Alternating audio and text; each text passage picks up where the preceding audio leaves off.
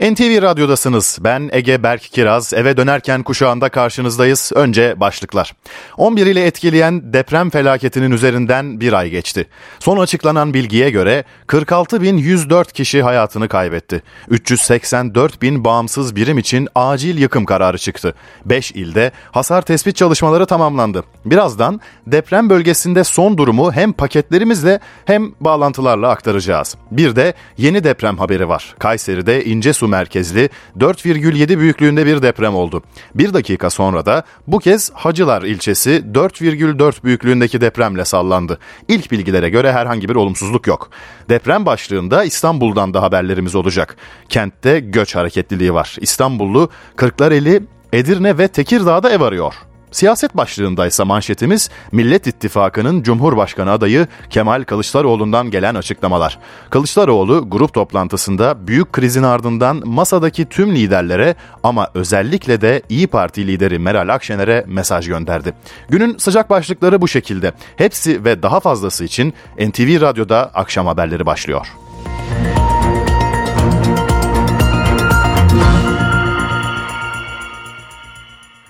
Millet İttifakı'nın Cumhurbaşkanı adayı CHP Genel Başkanı Kemal Kılıçdaroğlu partisinin grup toplantısında kürsüdeydi. Sözlerine bugün bu kürsüye veda etmek için buradayım diyerek başladı. Ardından Millet İttifakı'nda yer alan genel başkanlarla Ankara ve İstanbul Büyükşehir Belediye Başkanları İmamoğlu ve Yavaş'a teşekkür etti. Bugün çok kısa bir konuşma yapacağım. Grup kürsümüze, grup kürsümüze yani bu kürsüye veda etmek için bugün buradayım. Ne yalan söyleyeyim. Bu satırları bu satırları kaleme almak benim için de hiç kolay olmadı. Tüm yaşanmışlıklarımızı arkada bırakarak bu kürsüye veda etmek pek de kolay olmuyor. Bu salon, bu kürsü aslında benim evim. Sizler de benim yol arkadaşlarımsınız. Size son kez bu kürsüden bakmak istiyorum. Hoş geldiniz, şeref verdiniz, onur verdiniz. Allah hepinizden razı olsun, hakkınızı helal edin. İyi Parti'nin Sayın Genel Başkanı Meral Akşener ile birlikte yapacağız bu deliliği. Çünkü Meral Hanım merttir büyük mücadeleler veriyor. Ve bu bilinsin istiyorum. Ve bu bilinsin istiyorum. Ana kucağını da çok iyi bilir. Yerine geldiğinde masaya yumruk vurmasını da çok iyi bilir. Ona müteşekkir olduğumu bütün dostlarımın, bütün arkadaşlarımın bilmesini isterim. İlk görüş ayrılığında bazı insanlar, bilakis kendisini hiç tanımayan bazı insanlar söylenmemesi gereken şeyleri söylediler. Vallahi de hiç tanımamışsınız. Tanıyın. Şunu da söylemeden geçemeyeceğim. Hani gerekirse yumruğunu masara, masaya vurur diyorum ya. E bir de arada bir ülkücü damarı tutar. Bunu da gayet iyi biliyorum.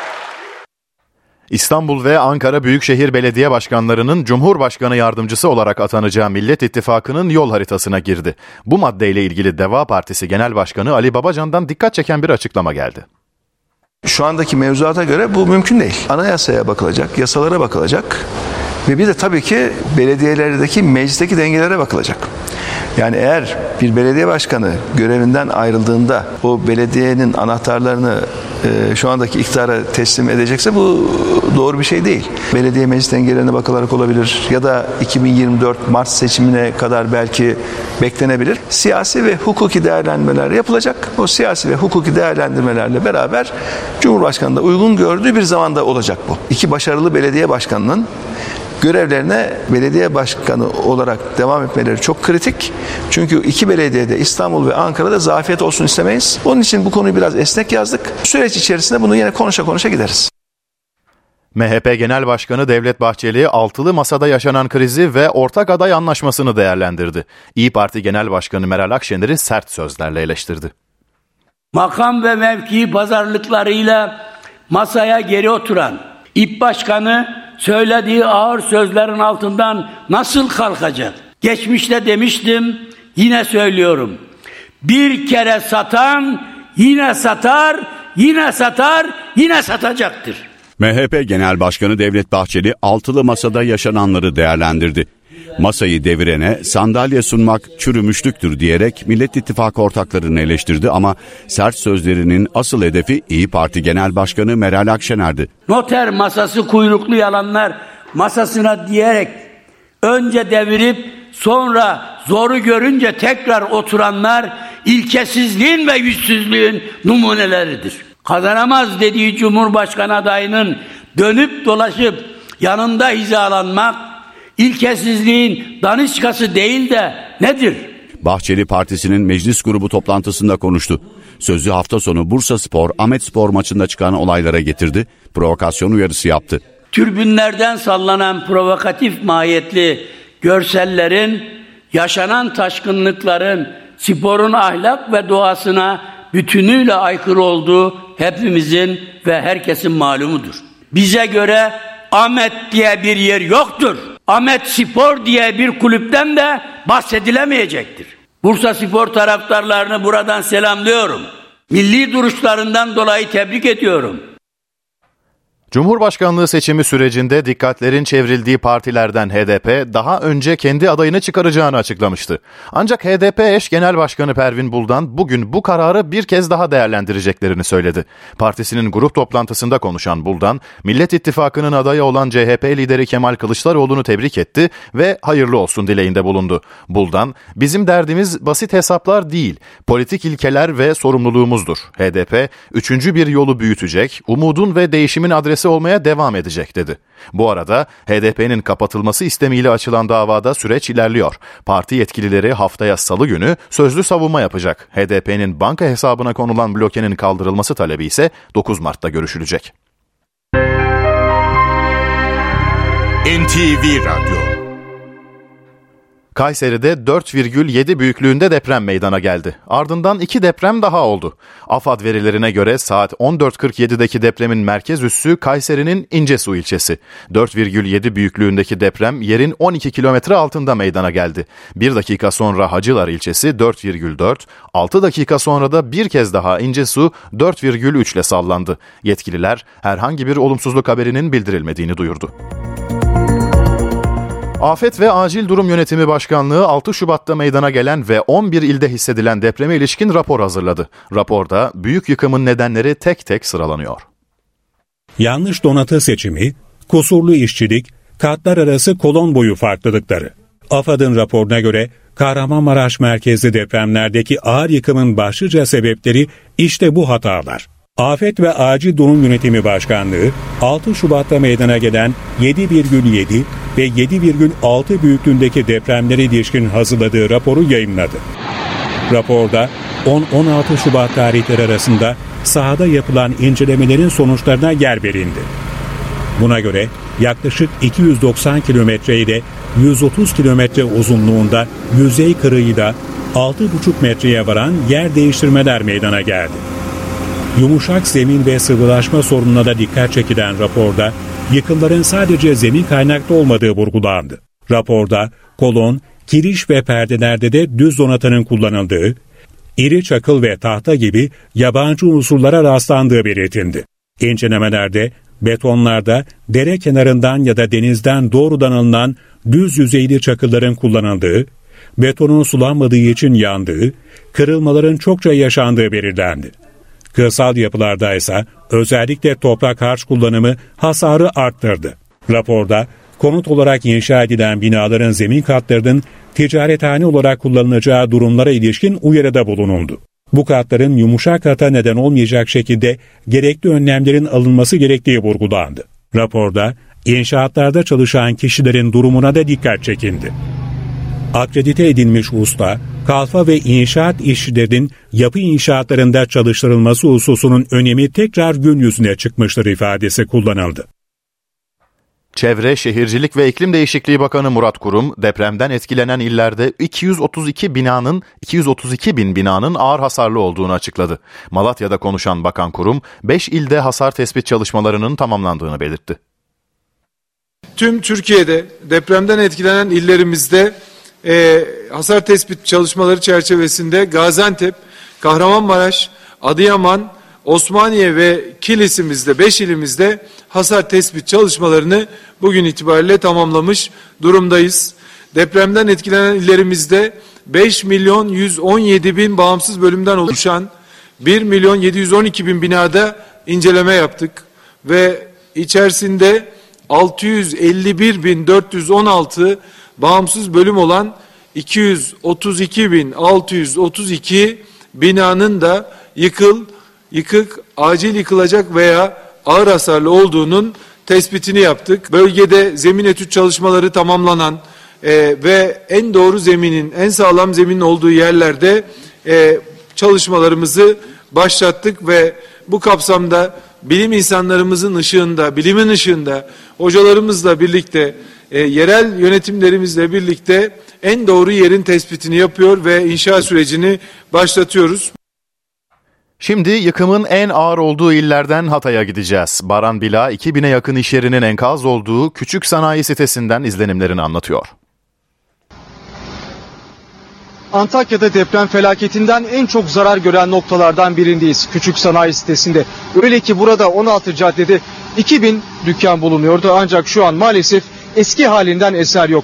Şu an oldukça kuvvetli bir rüzgar var ancak yine de Cüneyt Ali Horozal yıkımın boyutunu havadan drone kamerasıyla şimdi ekranlara getirmeye çalışacak. Bakın 2000 dükkan demiştik. Çok büyük bir bölümü ya yıkıldı ya da ağır hasarlı. Şimdi vatandaşların, esnafın, çalışanların, iş yeri sahiplerinin yoğun bir faaliyeti var. Enkazdan çıkarabildikleri parçaları kullanılabilir durumda olan eski o ürünlerini veya farklı malzemeleri bir araya getirip depolamaya çalışıyorlar. Daha sonradan yeniden kullanmak için ve bunun için farklı kamyonlar getirdiler. Farklı depo arayışları içerisine girdiler. Kiminle konuşsak büyük bir acısı var. Hemen hemen herkes yakınını kaybetmiş, aile üyelerini kaybetmiş, arkadaşlarını kaybetmiş. Kimi şehir dışına çıkmıştı ve şimdi geri döndüler. Buradaki çalışmaları yerinde takip ediyorlar ve bazen de bizzat katılarak buradaki hurda malzemeyi veya kullanılabilir durumda olan malzemeyi çıkarmaya çalışıyorlar. Konuşma fırsatı bulduğumuzda şunun altını çizdiler. Biz buraya geri dönmek istiyoruz dediler. Evet belli bir süreliğini geri döndük, e, gitmiştik. Şimdi geri döndük. Yine eskiden olduğu gibi bu alanda iş yeri faaliyetlerimize devam etmek istiyoruz. Burada yine güçlü binalar oluşturularak iş yeri faaliyetlerimize devam etmek amacındayız şeklinde konuştular. Sadece burada değil tabii ki şu an Antakya'nın hemen hemen her sokağında, her caddesinde benzer görüntüler var. Nereye bakarsanız bir enkaz yığınıyla karşılaşıyorsunuz. Dolayısıyla çevredeki işlemlerde, çevredeki faaliyetlerde hızla devam ediyor. Enkazların kaldırılması için iş makineleri, operatörler devredeler ama her enkaz şu an kaldırılabilecek durumda değil. Çünkü Çevre ve Şehircilik Bakanlığı'ndan, farklı bakanlıklar bakanlıklardan uzmanlar da bölgedeler polis ve bilirkişi eşliğinde enkazlardan karot örneği, demir örnekleri veya farklı malzeme örnekleri alıyorlar ki o inşaat hataları belirlenebilsin, mühendislik, müteahhitlik hataları belirlenebilsin e, ve bu yapıları kimin verdiği ortaya çıksın sorunlar hakkında ceza işlem başlatılsın. İşte bu yüzden bu şekilde kapsamlı bir araştırma da var. O araştırmanın bittiği yerlerde de enkaz kaldırma çalışmaları devam ediyor. Öte yandan pek çok farklı yerde de inşaat e, firmalarını veya nakliye firmalarını görüyoruz. Çünkü her ne kadar bazı vatandaşlar evleri ağır hasarlı da olsa artık belli bir süre geçti. O evlerinde kalan eşyaları yeniden çıkarmak, kullanmak istiyorlar. Bu yüzden e, merdivenlerle, farklı platformlarla, farklı düzeneklerle e, o evlere girip yukarı katları girip eşyalarını geri getiriyorlar. Polis ve jandarma ekipleri de bu konuda uyarılarını sürdürüyorlar. Hasarlı evlere girmeyin şeklinde uyarılarda bulunuyorlar. Devriye görevini yerine getiriyorlar. Biraz genel durumdan da bahsedelim. Çok kuvvetli bir rüzgar var. Dün akşam Yağmur da vardı, şiddetli bir sağanak vardı. Bu günlük hayatı oldukça zorlaştırdı. Çünkü zaten çadır kentte e, yeniden burada yaşamı tutunmaya çalışıyor depremzedeler. Bir de sağanak yağış olunca, bir de böyle kuvvetli rüzgar olunca ve çadırlarda kalmak iyice zor hale geliyor. Bu yüzden konteyner kent kurulması yönündeki çalışmaların hızlandırılması talepler dahilinde su sorunu çözüldü. Ancak köylerde zaman zaman bunun devam ettiğine yönelik bir takım duyumlar var. O noktalara da e, gidilip orada e, su dağıtılması yönünde talepler olduğunda bir kez daha hatırlatalım. An itibariyle hem sanayi sitesindeki durumu hem de Antakya genelindeki durumu bu şekilde özetleyebiliriz. NTV ile ortak yayında Hatay'dan Baran Bila'nın notlarını dinledik. Adıyamanlı depremzede aile İstanbul'da hırsızların kurbanı oldu. Öyle bir hırsızlık ki ailenin minik çocuğunun hayatına mal olabilir. SMA tip 1 hastalığıyla mücadele eden 4,5 yaşındaki Nilay'ın tedavi parası çalındı. SMA tip 1 kas hastası 4,5 yaşındaki depremzede Nilay Çalış'ın tedavisi için toplanan yardım parası İstanbul'da çalındı. Bizler 1 lira 1 lira bu parayı toplamaya çalışırken bazı vicdansız, merhametsiz insanlar kızımızın kum parasını çalıyorlar. Lütfen Allah rızası için yapmayın. O kızımızın can parası. Çalış ailesi depreme Adıyaman'da yakalandı, İstanbul'a geldi. Yardım parası çalınan aile kızlarını tedavi ettirebilmek için zamana karşı yarışıyor. Depremzedeyiz. Nilay Adıyaman'ın bebeği şu an İstanbul'a geldik. İstanbul'dayız. Kızım 12 gündür hastanede. Buradan yetkililere sesleniyorum. Ben yarınımı, umudumu, geleceğimi kaybetmek istemiyorum. Valilik onaylı bir kampanya başlattık. 21 aydır devam eden kampanyamız %37'lik diliminde. Ne yazık ki sesimizi duyuramadık. Bu bizim ikinci valilik iznimiz. Bitmesine 6 ay gibi kısa bir süremiz kaldı. Çalış ailesi başlattıkları kampanyaya destek bekliyor. Kızımın yaşayabilmesi için, kızımın bu cihazlardan uzak kalabilmesi için, kızımın nefes alabilmesi için desteklerinize ihtiyacımız var. İstanbul'da tahliyesine karar verilen Cerrahpaşa Tıp Fakültesi toplandı ancak taşınamadı. Geçici hastane neresi olacak? Yerinde dönüşüm nasıl gerçekleşecek? Soruları yanıt bekliyor. Yanıtları NTV muhabiri Melike Şahin'den alacağız. Cerrahpaşa Tıp Fakültesi için tahliye kararı 27 Şubat'ta verildi. Ee, çocuk hastalıkları ve acil servis dışındaki bütün sağlık hizmetleri durdu ve tahliye kararı verildi. Hastalar başka hastanelere tahliye edildi. Ee, hastane toplandı ancak taşınma gerçekleşemedi ve bugün itibariyle Cerrahpaşa Tıp Fakültesi yeniden ayakta hasta kabulüne başladı. Hastanenin çelik konstrüksiyonlu yapılarında e, poliklinik hizmeti %70 kapasiteyle tekrar başladı. E, ancak yatarak hasta kabulü şu anda yapılamıyor. Tabi hastanenin hangi yere taşınacağı, nereye taşınacağı konusu hala belirsizliğini koruyor. Sağlık Bakanı Fahrettin Koca'nın cumartesi günü hastaneyi bir ziyareti vardı ve e, hastane yöneticileri de kendilerine yer gösterilmesini istedi. E, bu konuyla ilgili çalışma hala devam ediyor. Fahrettin Koca'nın bir açıklaması oldu kabine toplantısının ardından. Bir iki gün içinde e, hem üniversite hastanelerinde hem de kamu hastanelerimizle ilgili kararları açıklamış olacağız. Boşaltmamız gereken hastaneler var dedi ve tahliye kararı için adı geçen hastanelerden birinin de İstanbul Tıp Fakültesi olduğu biliniyor. Tabii bir yandan da yerinde dönüşüm mü olacak? Cerrahpaşa Tıp Fakültesi ne olacak konusu merak ediliyordu.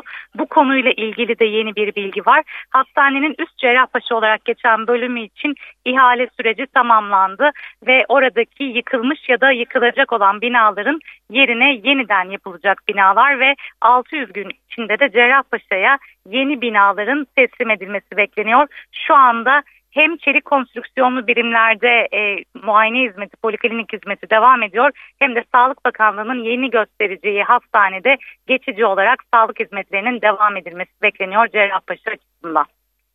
NTV muhabiri Melike Şahin aktardı. İstanbul Kadıköy'deki bir binada oturan kiracı evi tahliye ederken apartmana bu bina çürüktür pankartı astı. Kiracının bunu yapmasının nedeni binanın kolonlarının dökülüyor, demirlerinin ise çürümüş olması. İstanbul Kadıköy'deki 5 katlı bir apartmanın en üst katına bu bina çürüktür pankartı asıldı. Pankartı hazırlayan kişi ise burada yaşayan bir kiracı. Peki bu yazıyı niçin kaleme aldı? Kiracı apartman sakinlerinden birinin bodrum kattaki kolon ve kirişleri kayda aldığı görüntüleri gördü. Bunun üzerine binanın çürük olduğu yönünde bir kanaate vardı ve taşınmaya karar verdi. Tabii canım baksana demirler bile çürümüş ya. Baksana. Elimle bu arada evet, parçalayabiliyorum işte. bunu. Canan Coşkun ismini taşıyan kiracı taşınmadan önce de sosyal medya hesabından da bir paylaşım yaptı. Evi kiralamak isteyenlere yapının çürük olduğunu anlatıyor. Yani şu komple gidiyor. Tabii canım baksana dokunsan gidecek. Kahramanmaraş depremlerinden sonra risk altındaki kentlerden göç başladı. İstanbul'da bunlardan biri. Kuzey Anadolu fay hattında bulunan İstanbul'da vatandaşlar ya farklı illere yerleşmenin ya da şehir içinde daha güvenli görülen bölgelere taşınmanın arayışında. Bağcılar burası bizim oturduğumuz semt. Dolayısıyla çok güvenilir bir yer değil. Orada herhangi bir yenilik yapılmıyor. Şu ana kadar yapılmadı. Ve dolayısıyla bir semti mutlaka değiştirmemiz gerekiyor. Yeni kurulan yerlere doğru düşünüyoruz. TOKİ için başvuru yapmıştım. Onun onaylanmasını bekliyorum aslında. Bahçelievler'de oturuyorum. Çok da sağlam olduğunu söyleyemem aslında. Olası Büyük Marmara depremi endişesiyle İstanbul'dan göç arttı. Kahramanmaraş merkezli depremlerin ardından İstanbul'a göçün de sürmesiyle olağanüstü bir hareketlilik yaşanıyor. İstanbul'dan farklı illere göç de başladı. İstanbul'a göç de başladı. İstanbul'un bölgeleri arasında göç de başladı. Bağdat Caddesi'nde e, iyi bir e, binada ama eski bir binada, eski yönetmeliğe göre yapılmış bir binada oturan bir müşterimiz geldi ve bir müstakil ev almak istediğini söyledi. Yine e, Diyarbakır'dan, e, Antep'ten, Maraş'tan müstakil ev almak için gelenler var. Kadıköy başta olmak üzere Avcılar, Beylikdüzü, Bağcılar, Sefaköy gibi pek çok ilçeden şehir dışına yerleşmek isteyenler var. Kent merkezinden uzaktaki arsalarda daha çok tercih edilmeye başladı. Mesela bizim yatırım için e, müşterimize aldırdığımız İzlik'te bir yerimiz vardı. Müşterimiz belli bir zaman sonra piyasadan çekti bunu satmamak için. Daha sonra satarım veya kendim ev yaparım diye. E, şimdi müşterimiz kendi ev yapmayı düşünürken potansiyel müşteriler e, bizim öngördüğümüzün daha üstünde fiyatlar vererek e, talep göstermeye başladılar. Başka bölgeler de var. Silivri'ye talep e, arttı, Çatalca'ya talep arttı. E, Sarıyer'in e, sırtlarına talep arttı. Tepeören, e, Riva, Ömerli, e, hatta Şile e, bizim bölgemizde yoğun talep gören bölge olarak gözümüze çarpıyor. Deprem öncesinde dahi İstanbul'da bir kira sıkıntısı vardı veya zaman zaman ev satışlarında da astronomik rakamlarla karşılaşıyorduk. Şimdi bundan sonra durum nasıl etkilenir acaba?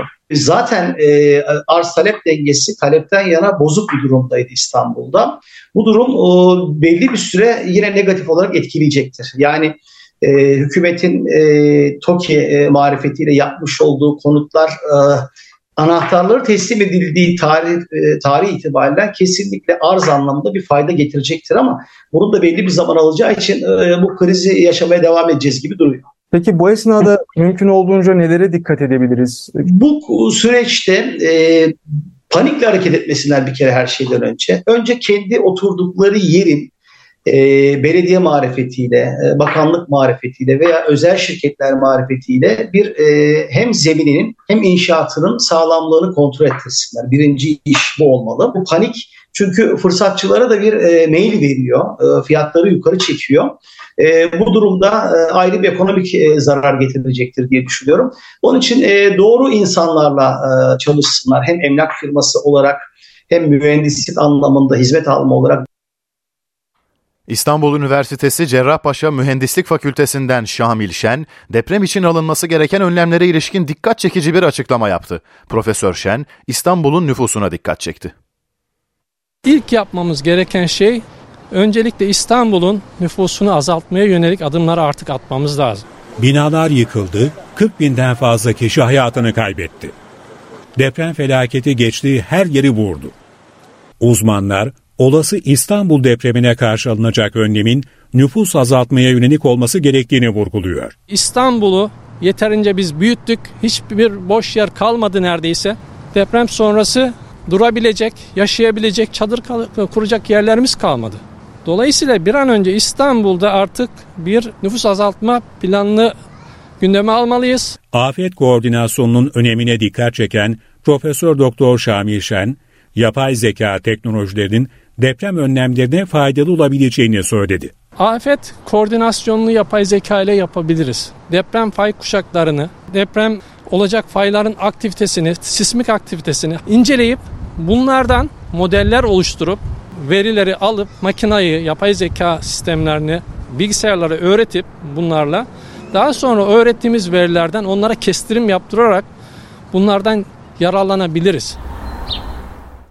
Deprem gündemine devam edeceğiz ama önce spordan iki gelişmeyi verelim. Hafta sonu oynanan Bursa Spor Ahmet Spor maçında yaşanan olaylar ve açılan pankartlarla ilgili soruşturmada 9 kişi serbest bırakıldı. Zanlılardan 3'ü stadyumda görevli özel güvenlik sorumlusuydu.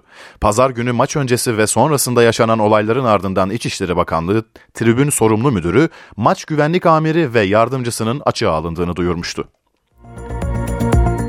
Spor gündeminden bir haber daha. Geçen sezon Trabzonspor'u şampiyon yapan teknik direktör Abdullah Avcı istifa kararı aldı. Resmi duyurunun kulüp tarafından yapılması bekleniyor. Karadeniz ekibinde Başkan Ahmet Ağaoğlu da geçtiğimiz günlerde görevini bırakmıştı.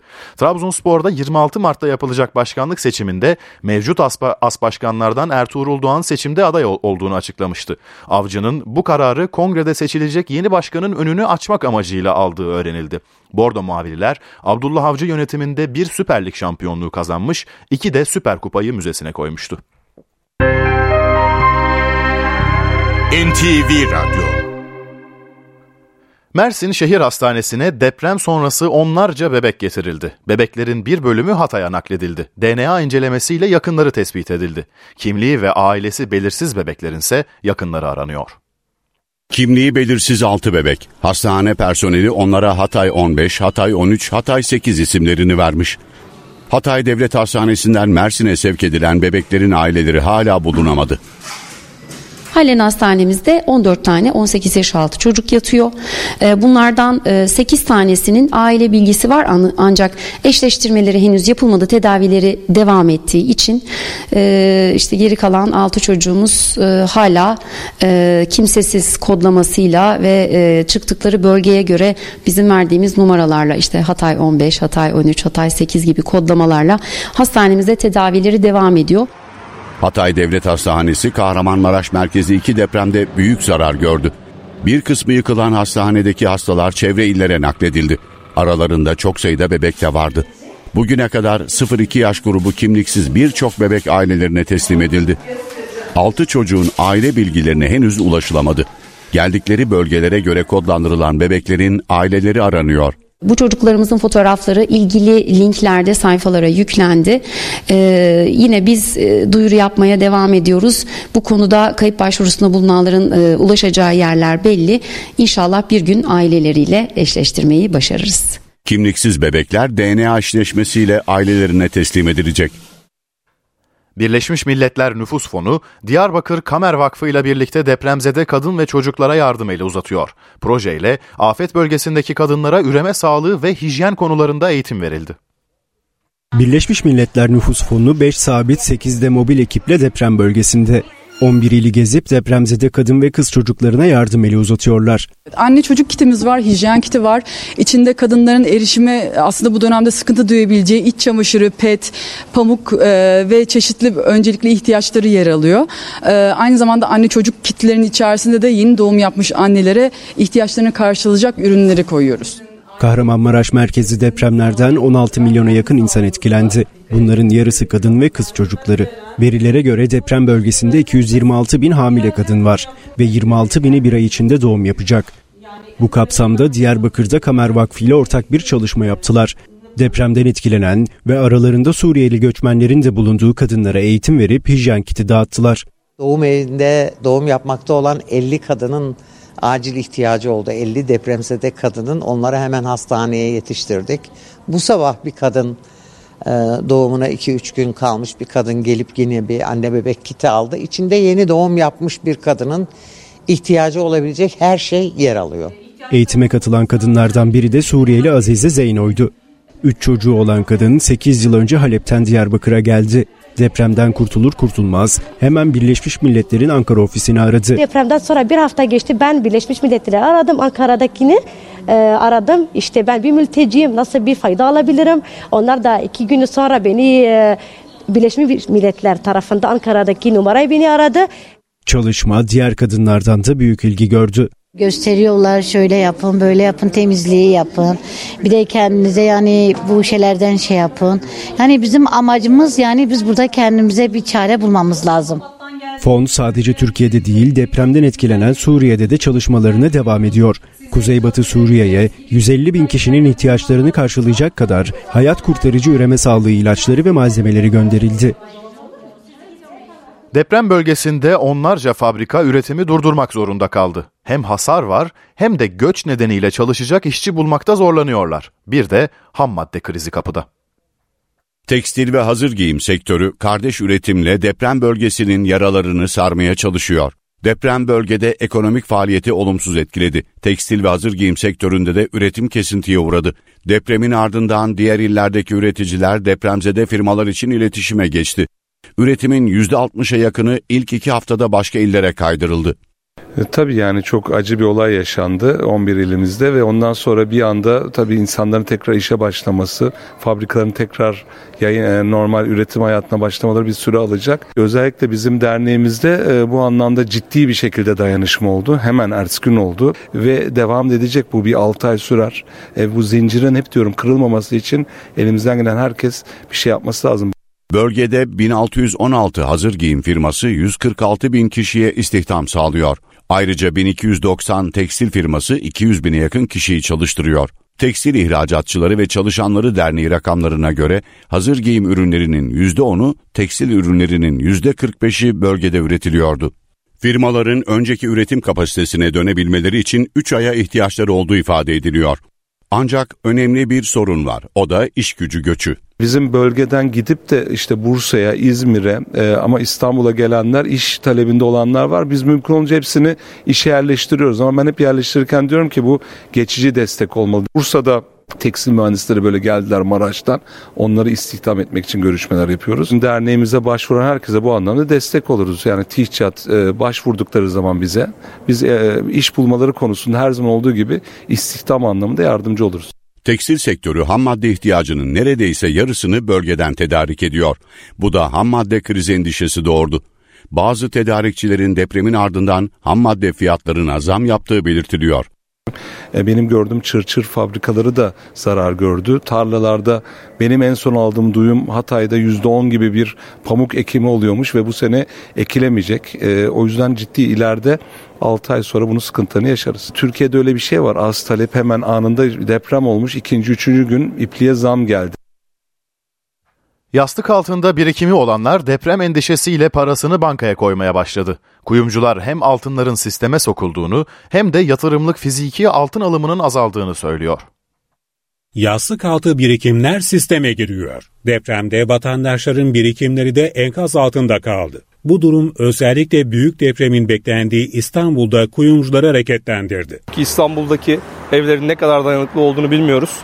O yüzden yine de en güvenli yer e, bankalar gibi duruyor açıkçası. Bankoya koymayı tercih ederdim. Zaten benim e, fikrim o. Yani evde pek tutmayı sevmiyorum. Altınlarını finansal sisteme taşımak isteyenlerin sayısında önemli bir artış var. İstanbul e, deprem, e, İstanbul'da deprem olacak gibi bir beklenti biraz fobi oluşturmuş durumda. E, tabii özellikle Kahramanmaraş merkezli o depremde Kahramanmaraş'ta ve yastık altı altınların çok olduğu da biliniyor bölge. Altınla ilgili yatırımların e, kişisel olarak çok olduğu bir bölge. Tabii böyle bir mağduriyet yaşanınca e, biraz endişe oluştu. Yastık altı altınlar yetkili kuyumcular vasıtasıyla değerlendirilerek sisteme dahil ediliyor. Sadece yastık altı altınlar sisteme taşınmıyor. Ayrıca altınını bozduran parasını bankaya yatırıyor. Uzmanlar fiziki altın alımında da düşüş olduğunu kaydediyor. Bir son dakika haberiyle devam ediyoruz. Sivas'ta 4,2 büyüklüğünde deprem oldu. Depremin merkez üssü Gürün ilçesi. Sarsıntı saat 17.18'de gerçekleşti. Gürün, Kahramanmaraş merkezli depremlerde büyük hasar görmüş afet bölgesi ilan edilmişti. Bir kez daha tekrar etmekte fayda var. Sivas'ta 4,2 büyüklüğünde bir deprem oldu. Depremin merkez üssü Sivas'ın Gürün ilçesi. Sarsıntı saat 17.18'de gerçekleşmişti. NTV Radyo'dan Yeni bir gelişme olduğu sürece bu konuda duyurmaya devam edeceğiz. İmar affı başka ülkelerde var mı? İnşaat süreci nasıl ilerliyor? İşçisinden mühendisine çalışanlar nasıl yetişiyor? NTV muhabiri Hüseyin Günay, Amerika Birleşik Devletleri'ndeki inşaat sektörünü araştırdı. Amerika Birleşik Devletleri'nde inşaat alanları birinci dereceden tehlikeli iş sahaları olarak sınıflandırılıyor. Bu yüzden bırakın müteahhit olmayı, inşaatta çırak olmak için bile belediyeden sertifika almanız lazım. Usta ve kalfa nasıl olunuyor? Öncelikle şunu söylemek lazım. Amerika Birleşik Devletleri'ndeki hiçbir inşaat işçisi yani çalışanı alaylı değil. Hepsi yaptığı işle alakalı eğitim sürecinden geçmek zorunda. Su tesisatçısı olmak için yaklaşık bir yıl eğitim almanız gerekiyor. Daha sonra bir firmada kalfa ya da çırak olarak 2000 saat çalıştığınızı kanıtlamalısınız. Bu süreçlerden sonra bulunduğunuz eyalette sınava giriyorsunuz. Sınavı geçtiğiniz takdirde o eyalette su tesisatçısı lisansına sahip oluyorsunuz. Bu durumda bile lisansın birkaç yılda bir yenilenmesi gerekiyor. Süre eyaletten eyalete değişiyor. Amerika Birleşik Devletleri'nde müteahhit nasıl olunur? İnşaat mühendisi ya da mimarlık gibi bir alandan mezun değilseniz zorlu bir süreç sizi bekliyor. Öncelikle lise eğitimi almamış hiç kimse müteahhit olma hakkına sahip değil. Amerika'da müteahhit olmak isteyenler şu dört aşamayı geçmek zorundalar. Birincisi eğitim aşaması.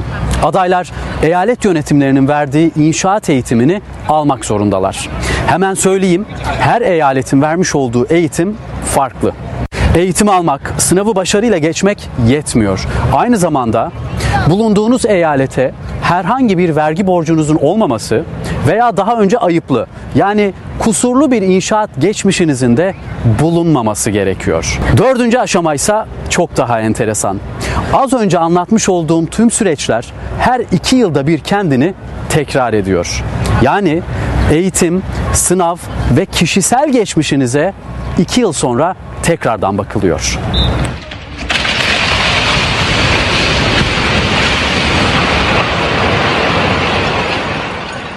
Maraş depreminde en çok duyduğumuz sözlerden biri kolonları kesmişler oldu.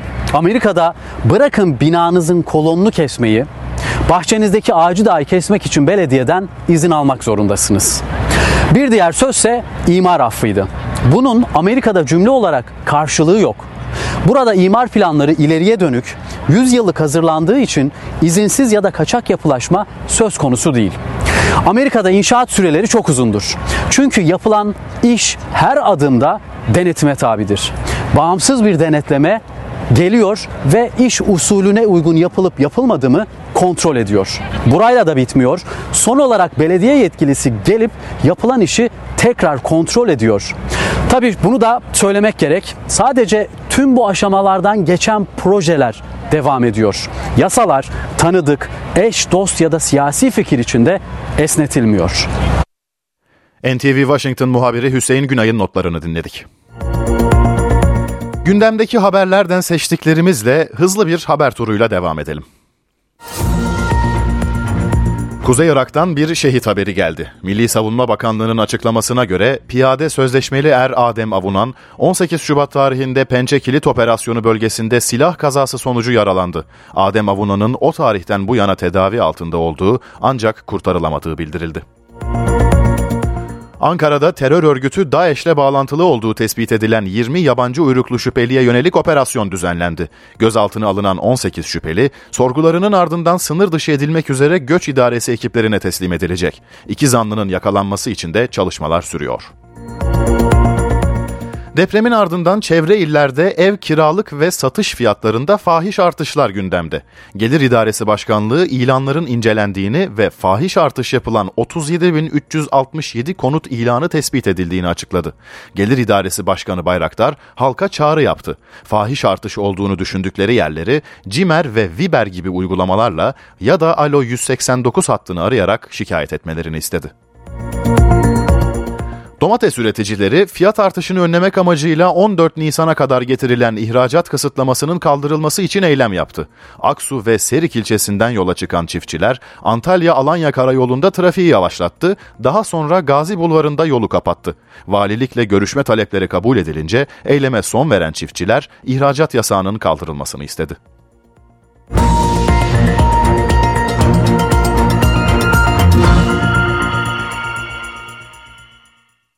Çalışma ve Sosyal Güvenlik Bakanı Vedat Bilgin, kamudaki geçici işçilerin sorununu çözecek düzenlemenin meclise gönderildiğini söyledi. Sendikalar yaklaşık 50 bin işçinin kadroya geçişine yönelik yasanın seçimden önce çıkarılmasını talep etmişti. Çalışma Bakanı'nın bu konudaki açıklamasıyla devam edelim. Tarihsel bir adım niteliğini taşıyan asgari ücreti vergi dışı bıraktık. Sadece asgari ücret alan işçilerin asgari ücret düzeyindeki yerlerini vergi dışında bırakmadık. Bütün çalışanlara bunu teşmil ettik. Emekçiler ilk defa asgari ücret düzeyindeki gelirlerinden vergi alınmayan bir dönemi yaşamaya başladılar. Bunlar onların hakkıydı. Bu hakkı teslim ettik. Geçici işçiler sorunu vardı. Geçici işçiler sorununun çözmek üzere önemli bir adım attık. Onu meclise intikal ettirdik. Kamu işçileriyle sürdürdüğümüz toplu sözleşme çalışmamız başlamıştı. Depremden dolayı hiçbir hak kaybı olmadan onu askıya aldık ama onu da gerçekleştireceğiz. 33 yıl önce bugünün katledilen gazeteci Çetin Emeç anıldı. Ailesi, meslektaşları Çetin Emeç'in kabri başında bir araya geldi.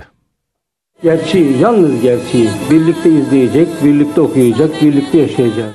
Evinin önünde uğradığı silahlı saldırı sonucu hayatını kaybetti. Ölümünün üzerinden 33 yıl geçti. Ailesi, sevenleri ve çalışma arkadaşları gazeteci Çetin Emeç'i kabri başında andı.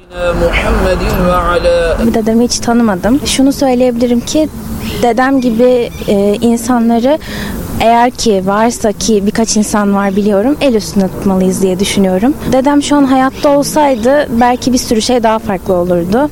Hürriyet gazetesi genel yayın yönetmeni Çetin Emeç 7 Mart 1990 yılında işe gitmek üzereyken İstanbul Suadiye'deki evinin önünde şoförü Sinan Ercan'la birlikte suikaste uğradı.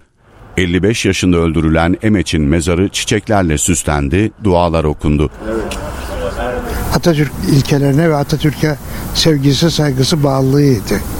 Onu kaybetmek zaten aslında Atatürk ilkelerine karşı e, olan insanların Atatürk'ten hınç alma amacıyla yaptıkları bir aşağılık suikast idi. Ama gün dönüyor, zaman dönüyor ve Atatürk'ün ve Çetin Emeç'in ne kadar değerli olduğu toplum için daha açık bir şekilde görülüyor. Emeç'e pusu kurup katleden katillerden İrfan Çağrıcı 1996 yılında yakalandı.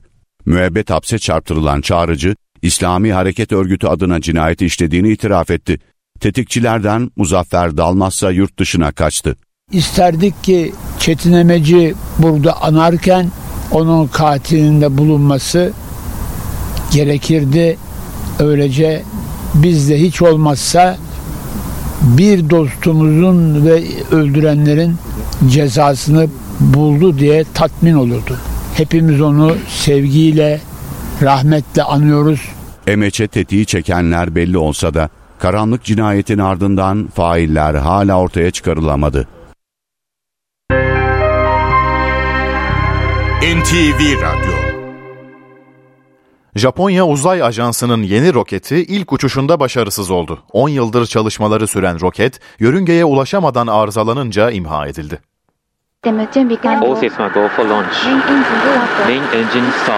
Geri sayım sona erdi. Motorlar ateşlendi.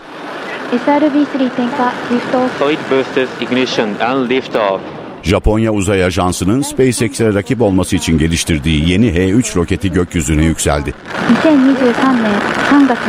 20 katlı bina yüksekliğindeki roket Tanegashima uzay istasyonundan fırlatıldı. Ancak uzay aracı yerden kilometrelerce yükseklikte arızalandı. Japonya Uzay Ajansı yetkilileri roketin ikinci aşama motorlarının ateşleme esnasında arızalandığını duyurdu. Yörüngede kontrolsüz ilerleyen insansız roketin imha sistemiyle yok edildiği açıklandı. Japon yetkililer olayla ilgili soruşturma başlattı. 10 yıllık süreçte milyarlarca dolara mal olan 57 metrelik H-3 roketinin üretiminde 3 boyutlu yazıcılarda kullanılmıştı. Roket, Kuzey Kore'nin balistik füze denemelerini tespit etmek için özel kızılötesi alıcılara sahip Alos-3 dünya gözlem uydusunu taşıyordu. 17 Şubat'ta planlanan ilk fırlatma ise elektrik ve iletişim sistemlerindeki arıza sebebiyle ertelenmişti. Hollanda'da en çok online sipariş verilen yemek Türk döneri oldu. Kapsolan adını taşıyan yemek patates kızartması, döner, kaşar peyniri, salata ve sostan oluşuyor. Hollandalılar 2022 yılında en çok döner yedi. Hollanda'nın en büyük online yemek sipariş platformu Tuis Bezorg'un 2022 yılı raporuna göre en çok sipariş edilen yemek kapsalon döneri oldu. Raporda kapsalon dönerinin Ülkenin 12 bölgesinin 7'sinde birinci, bir bölgesinde ise ikinci, en fazla sipariş edilen yemek olduğu belirtildi. 14 Şubat 2022 yılında Sevgililer Günü'nde de en çok sipariş edilen yemek kapsalon oldu. Başkent Amsterdam'daki Hilal Şoarmo isimli lokantanın sahibi Selahattin Dağşan, Hollandalıların patates ve peyniri sevdiği için kapsalonu sıklıkla tercih ettiklerini söyledi. Kapsalonu hafta içi 40 veya 50 arası satıyoruz. 40-50 kapsalon oluyor. Hafta sonu da 100, 120, 130 bazen 150'yi de buluyor. Patates sevdikleri için, peyniri sevdikleri için bir de üstüne erittiğimiz için kapsalonun yapılma şekli zaten önce patatesi e, koyuyoruz. Ondan sonra eti üstüne, etin üstüne peyniri eritiyoruz. Peyniri erittikten sonra sos ve marul, domates, salatalık bunları bir araya kattığın zaman zaten sevdikleri şeyler.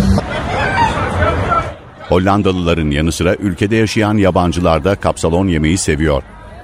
Patates, tavuk ve favorim olan sarımsak sosu gibi farklı şeylerin bir arada olmasını seviyorum. Haftada en az iki kere kapsalon yemeye geliyorum. Flemenkçe berber anlamına gelen kapsalon döneri Rotterdam'daki El Aviva lokantasının sahibi Derviş Bengü tarafından 2003-2004'te komşusu berberin verdiği farklı bir sipariş üzerine ortaya çıktı.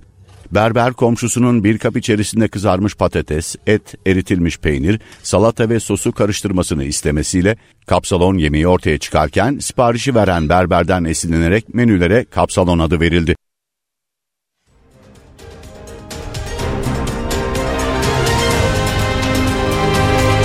NTV Radyo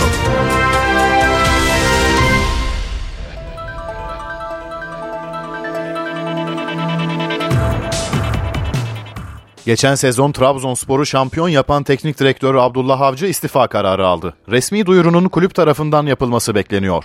Karadeniz ekibinde Başkan Ahmet Ağaoğlu da geçtiğimiz günlerde görevini bırakmıştı. Trabzonspor'da 26 Mart'ta yapılacak başkanlık seçiminde mevcut as başkanlardan Ertuğrul Doğan seçimde aday olduğunu açıklamıştı. Avcı'nın bu kararı kongrede seçilecek yeni başkanın önünü açmak amacıyla aldığı öğrenildi. Bordo Mavililer Abdullah Avcı yönetiminde bir Süper Lig şampiyonluğu kazanmış, iki de Süper Kupayı müzesine koymuştu. Ülke futbolunda ara transfer dönemi tamamlandı. Üç büyükler arasında Beşiktaş yaptığı 5 takviye ile öne çıktı. Futbolda ara transfer penceresi kapandı. Üç büyükler arasında en hareketli takım Beşiktaş oldu. Siyah beyazlar Amir Hacı Ahmetoviç, Omar Koley, Onur Bulut ve Vansan Abu Bakar'ı bonservisiyle Alexandru Maxim'i ise kiralık olarak kadrosuna kattı. Yönetim bu 5 transfer için yaklaşık 5,5 milyon euro harcadı. Beşiktaş, Wood Weghorst, Joseph De Souza ve Tyler Boyd'la yollarını ayırırken Javi Montero, Emrehan Uzunhan, Oğuzhan Akgün'ü kiralık olarak gönderdi. Fenerbahçe, Jadon Osterwolde, Samet Akaydın ve Emre Demir'i transfer etti. Mauricio Lemos'la vedalaşan Sarı Lacivertler, Buruma'nın bonservisini alarak Braga'ya kiraladı. Ara transferde Fenerbahçe'nin kasasından yaklaşık 14 milyon euro çıktı. Galatasaray Roma'dan Nicolo Zaniolo'yu transfer ederek Avrupa'da ses getirdi. Sarı Kırmızılılar 4,5 yıllık sözleşme imzaladı İtalyan Yıldız için 15 milyon euro ödedi. Kaan Ayhan ve Samuel Adekugbe de kiralık olarak Okan Buruk'un takımına katıldı. Galatasaray, Patrick Van Aanholt ve Haris Seferovic ile ise yollarını ayırdı. 12 Ocak'ta başlayan ve normal şartlarda 8 Şubat'ta sona ermesi planlanan ara transfer dönemi Deprem felaketi nedeniyle önce 18 Şubat, daha sonra 5 Mart tarihine uzatılmıştı. Bursa Spor, Ahmet Spor maçında açılan pankartlar gündemde büyük yer tutmuştu. Futbol Federasyonu da yaşananlarla ilgili ceza vermeye hazırlanıyor. Federasyon statlarda provokatif eylem ve söylemlere izin vermeyeceğini duyurdu. Açıklamada ilgili kurullarımız gerekli cezai işlem uygulayacaktır. Suç unsuru içeren provokasyon amaçlı pankartların kamusal her alanda olduğu gibi stadyumlarımızda da gösterimi kanunen suçtur denildi. Şampiyonlar Ligi'nde heyecan son 16 turu rövanş maçlarıyla devam ediyor. Borussia Dortmund 1-0'lık avantajla Chelsea'ye konuk olacak. Gecenin diğer maçında Benfica Kulüp Brugge'u ağırlayacak. Eşleşmede ilk maçı Portekiz ekibi 2-0 kazanmıştı. İlk iki karşılaşmada saat 23'te başlayacak. İstanbul'un ev sahipliğindeki Şampiyonlar Ligi finali 10 Haziran'da Atatürk Olimpiyat Stadında oynanacak.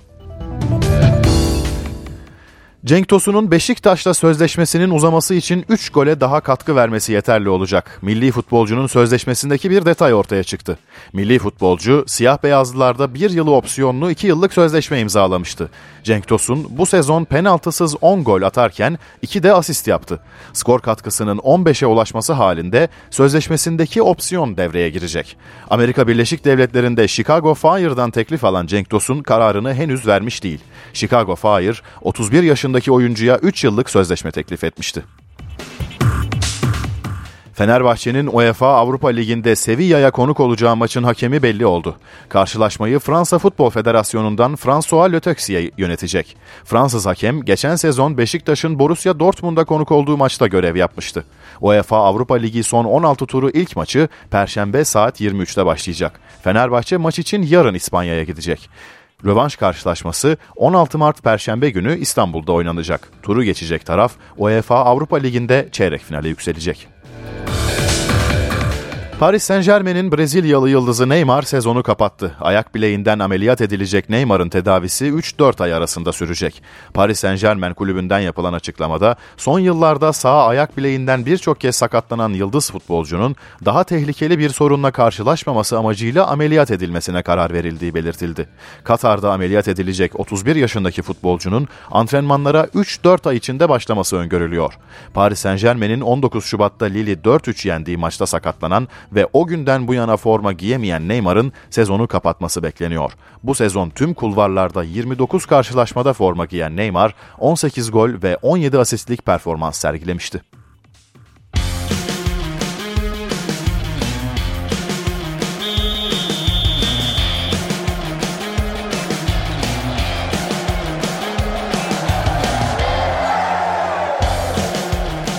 NTV Radyo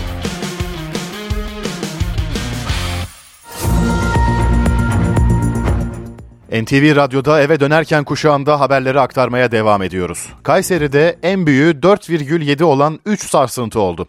Bir deprem haberi de Sivas'tan geldi. Gürün ilçesinde 4,2 büyüklüğünde deprem meydana geldi. Gürün, Kahramanmaraş merkezli depremlerde büyük hasar görmüş ve afet bölgesi ilan edilmişti. Kayseri'de ise depremin İlk depremin merkez üssü İncesu ilçesi. 4,7 büyüklüğündeki deprem yerin 12 kilometre altında meydana geldi. Bir dakika sonra Hacılar ilçesi 4,4, 6 dakika sonra da bir kez daha İncesu ilçesi 4,3 ile sallandı. Yetkililer herhangi bir olumsuzluk haberinin bildirilmediğini duyurdu. Kahramanmaraş merkezli 7,7 ve 7,6 büyüklüğündeki depremlerin üzerinden bir ay geçti. Son resmi açıklamaya göre 46.104 kişi hayatını kaybetti. Şimdi Merih Ak depremin birinci ayında Hatay'dan izlenimlerini aktaracak. Ara sokaklarına gelerek o tarihi binaların, tarihi yapıların arasında kaybolduğu yer. Şimdi kameraman arkadaşım Burak Uygun orayı göstersin. Yani Kurtuluş Caddesi'ni gördüğünüz gibi aslında Kurtuluş Caddesi diye bir yer çok da kalmış değil. Çünkü tamamen enkaz haline gelmiş durumda bu cadde ki hem tarihi yapıların ağırlıkta olduğunu söyleyebiliriz hem de e, e, burada e, satış yerlerinin, turistik yerlerin olduğu bir yer. Burası şimdi kameraman arkadaşım gösteriyor. Burası da tarihi bir yapı Habibi Neccar Camii.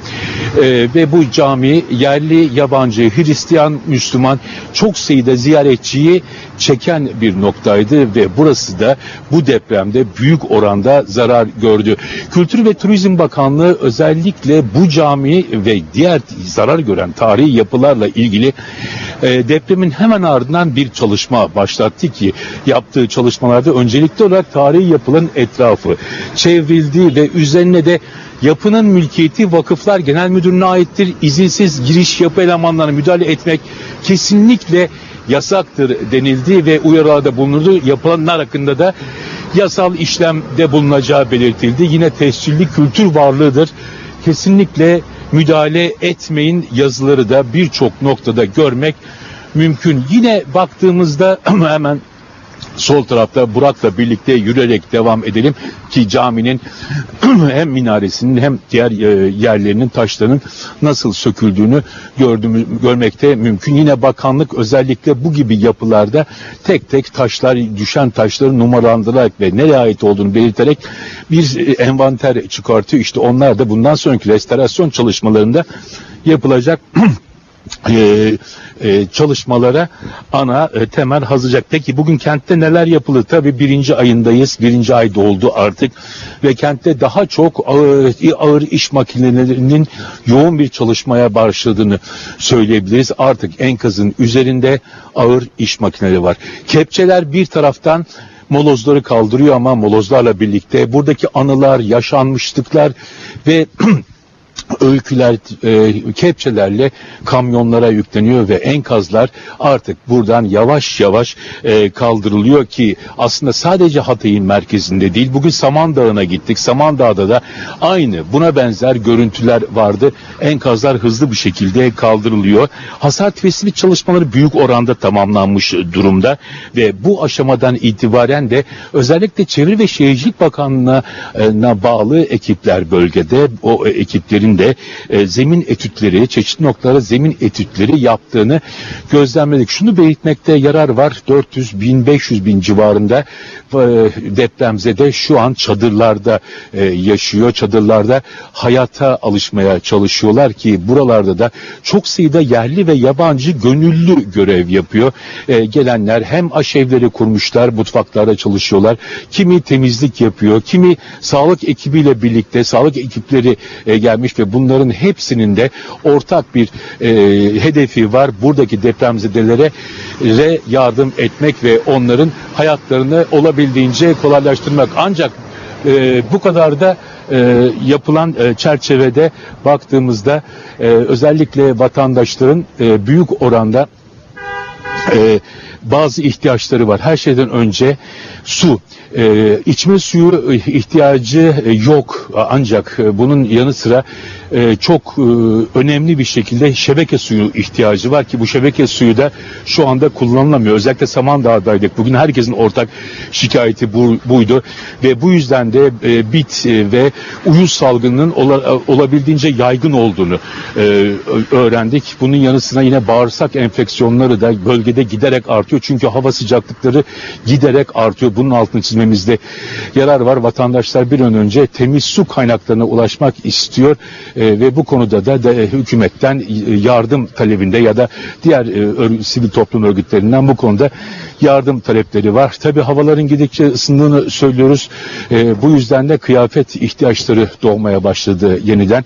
E, özellikle çocukların birçoğunun ayaklarında sadece terlik olduğunu gördük. Bunu da e, bu ekranlar aracılığıyla iletelim. Evet kameram arkadaşım Burak Uygun yine tarihi bir yapıyı gösteriyor. İşte burası e, Burcu gerçekten Hatay'a gelip de herkesin dolaştığı, gördüğü e, ve sokaklarında kaybolduğu bir nokta. Görüyorsunuz kemerli yapılar hepsi tarihi bir e, nokta ve bu çerçevede de artık burada böyle bir yapıyı görmek mümkün değil. Sadece bunlar değil, turistik tesisler, turizm tesisleri de çok büyük bir zarar e, gördü.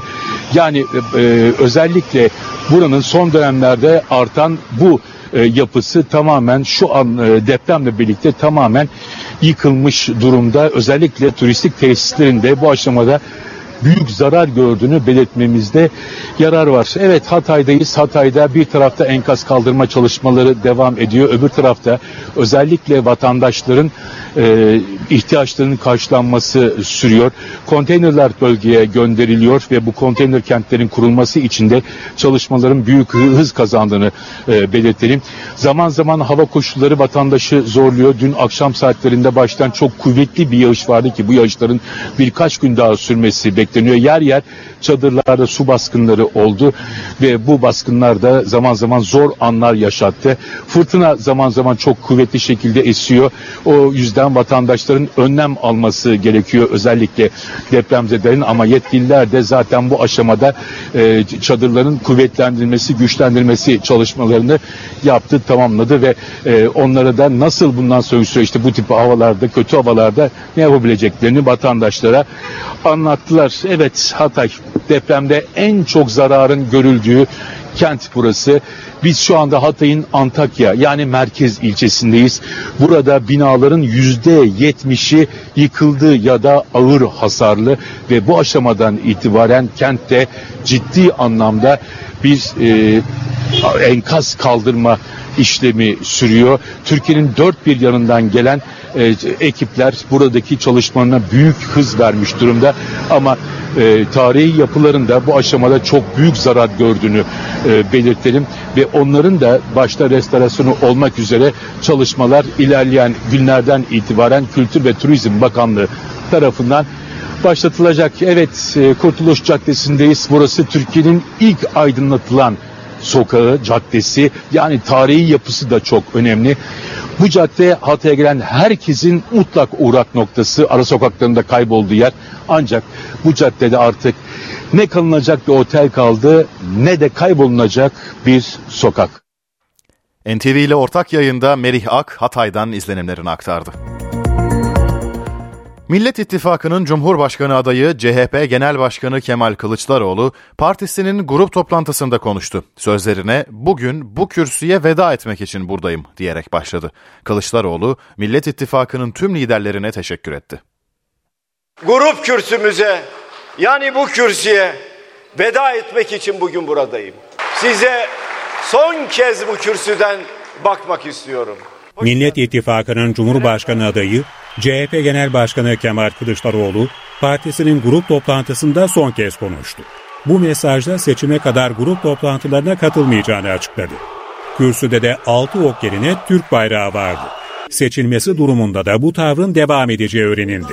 Bay Kemal de yürümek yürek işidir diyen Kılıçdaroğlu, altılı masada yer alan genel başkanlara tek tek teşekkür etti. İyi Parti Genel Başkanı Meral Akşener'e ise ayrı bir parantez açtı. Meral Hanım merttir. Büyük mücadeleler veriyor. Ana kucağını da çok iyi bilir. Yerine geldiğinde masaya yumruk vurmasını da çok iyi bilir. Ona müteşekkir olduğumu bütün dostlarımın, bütün arkadaşlarımın bilmesini isterim. E bir de arada bir ülkücü damarı tutar. Bunu da gayet iyi biliyorum. Kılıçdaroğlu, İstanbul ve Ankara Büyükşehir Belediye Başkanları Ekrem İmamoğlu ve Mansur Yavaş'a da teşekkür etti. Evladım Ekrem İmamoğlu. O da yanımda olacak. Dostum Mansur Yavaş. O da buradadır. Dostlarım bilsin ki öleceksek bu vatana olan aşkımızdan öleceğiz. Kılıçdaroğlu mecliste milletvekilleri tarafından şeref kapısının önünde karşılandı. Veda konuşması yaparken bazı vekiller gözyaşlarını tutamadı. Hakkınızı helal edin dostlarım. Hadi bismillah. Grup toplantısının ardından gazetecilerin sorularını yanıtlayan Kılıçdaroğlu, İyi Parti lideri Meral Akşener'le yaşanan aday krizini değerlendirdi. Tartışmak doğaldır, önemli olan tartışmaları sonuca bağlamaktır dedi. Aday olarak ilk ziyaretini deprem bölgesine yapacağını söyledi. Edinilen bilgiye göre Kılıçdaroğlu kampanya döneminde tüm illeri ziyaret edecek. Mitinglerin yanı sıra sivil toplum kuruluşları ve kanaat önderleriyle toplantılar gerçekleştirecek. Bazı programlara Ankara ve İstanbul belediye başkanları da katılacak. MHP Genel Başkanı Devlet Bahçeli altılı masada yaşanan krizi ve ortak aday anlaşmasını değerlendirdi. İyi Parti Genel Başkanı Meral Akşener'i sert sözlerle eleştirdi.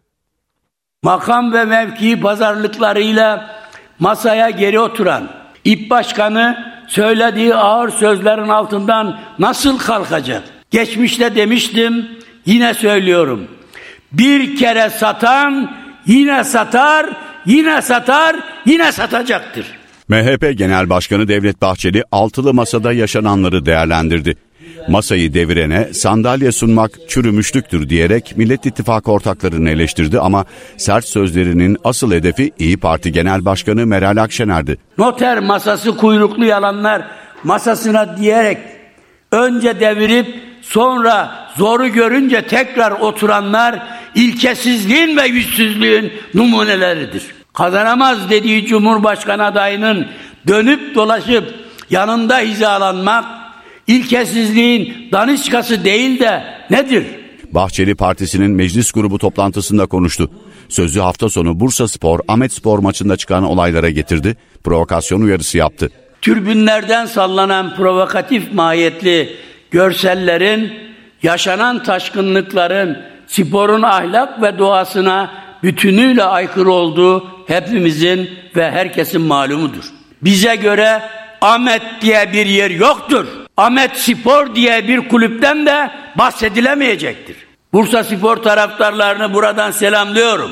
Milli duruşlarından dolayı tebrik ediyorum. Kahramanmaraş depremlerinden sonra risk altındaki kentlerden göç başladı. İstanbul'da bunlardan biri. Kuzey Anadolu fay hattında bulunan İstanbul'da vatandaşlar taşınma arayışında. Bağcılar burası bizim oturduğumuz sem. Dolayısıyla çok güvenilir bir yer değil. Orada herhangi bir yenilik yapılmıyor. Şu ana kadar yapılmadı. Ve dolayısıyla biz semti mutlaka değiştirmemiz gerekiyor. Yeni kurulan yerlere doğru düşünüyoruz. TOKİ için başvuru yapmıştım. Onun onaylanmasını bekliyorum aslında. Bahçeliler'de oturuyorum. Çok da sağlam olduğunu söyleyemem aslında. Olası Büyük Marmara depremi endişesiyle İstanbul'dan göç arttı. Kahramanmaraş merkezli depremlerin ardından İstanbul'a göçün de sürmesiyle olağanüstü bir hareketlilik yaşanıyor. İstanbul'dan farklı illere göç de başladı. İstanbul'a göç de başladı. İstanbul'un bölgeleri arasında göç de başladı. Bağdat Caddesi'nde e, iyi bir e, binada ama eski bir binada, eski yönetmeliğe göre yapılmış bir binada oturan bir müşterimiz geldi ve bir müstakil ev almak istediğini söyledi. Yine e, Diyarbakır'dan, e, Antep'ten, Maraş'tan müstakil ev almak için gelenler var. Kadıköy başta olmak üzere Avcılar, Beylikdüzü, Bağcılar, Sefaköy gibi pek çok ilçeden şehir dışına yerleşmek isteyenler var. Kent merkezinden uzaktaki arsalarda daha çok tercih edilmeye başladı.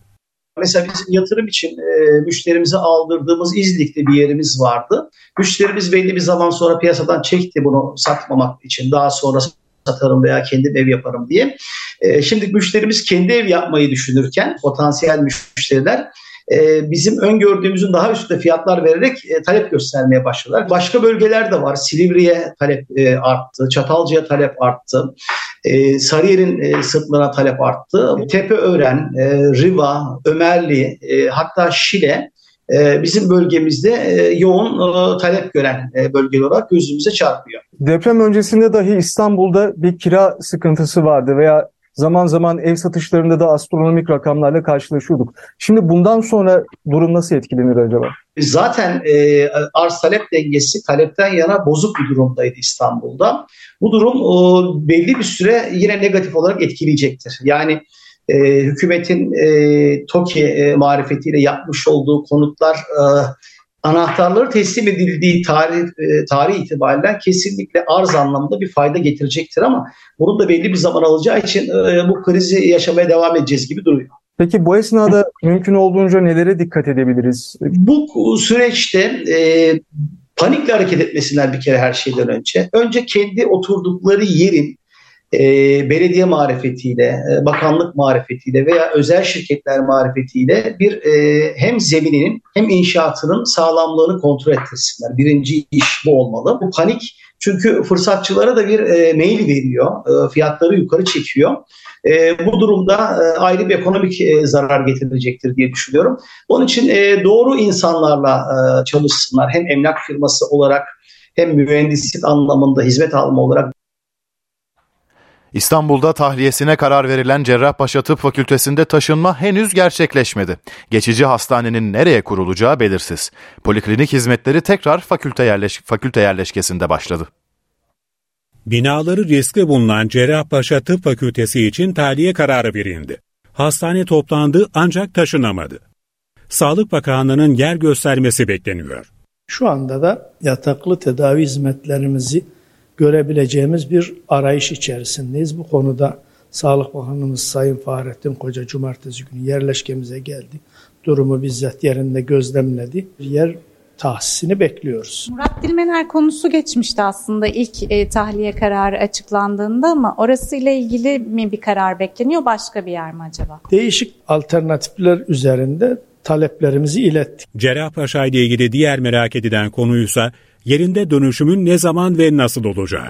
Cerrahpaşa Tıp Fakültesi'nin dönüşüm süreciyle ilgili ihale tamamlandı. Buna göre yıkılmış ve yıkılacak binaların yerine yenisi yapılacak ve Cerrahpaşa yerinde dönüştürülecek. Yeni binaların 600 gün içinde tamamlanması planlanıyor.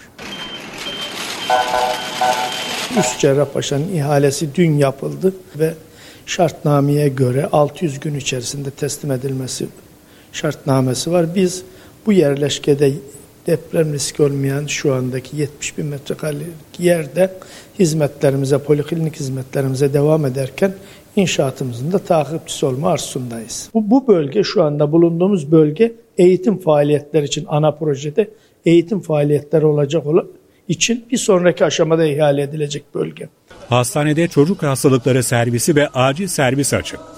Bunun yanında yeni yapılmış çelik konstrüksiyon binalarda poliklinik hizmeti tekrar başladı. Eşim Mayıs'tan beri diyalize giriyor. Ee, şimdi mağduruz ama bez maleme gittik. Tabii buranın daha farklıydı tedavisi. İstanbul ve Ankara'da tahliye kararı verilecek başka hastaneler de var. Sağlık Bakanı Fahrettin Koca, boşaltılacak hastanelerimiz var. Bir iki gün içinde üniversite ve kamu hastanelerinin durumu ve atılacak adımlarla ilgili açıklama yapacağız dedi. Tahliye için adı geçen hastanelerden biri de İstanbul Tıp Fakültesi. Deprem bölgesindeki 1 milyon 500 bin bina zorunlu deprem sigortalı. DASK, depremden etkilenen konutlar için 26 milyar lira hasar ödemesi yapılacağını açıkladı. Depremde 380 binden fazla yapı hasar gördü, yüz binlerce kişi evsiz kaldı. Konutu yıkılan, hasar gören depremzedelerin şikayetleri var. Bunlardan biri de yenilenmemiş poliçelerin deprem sonrası fark edilmesi.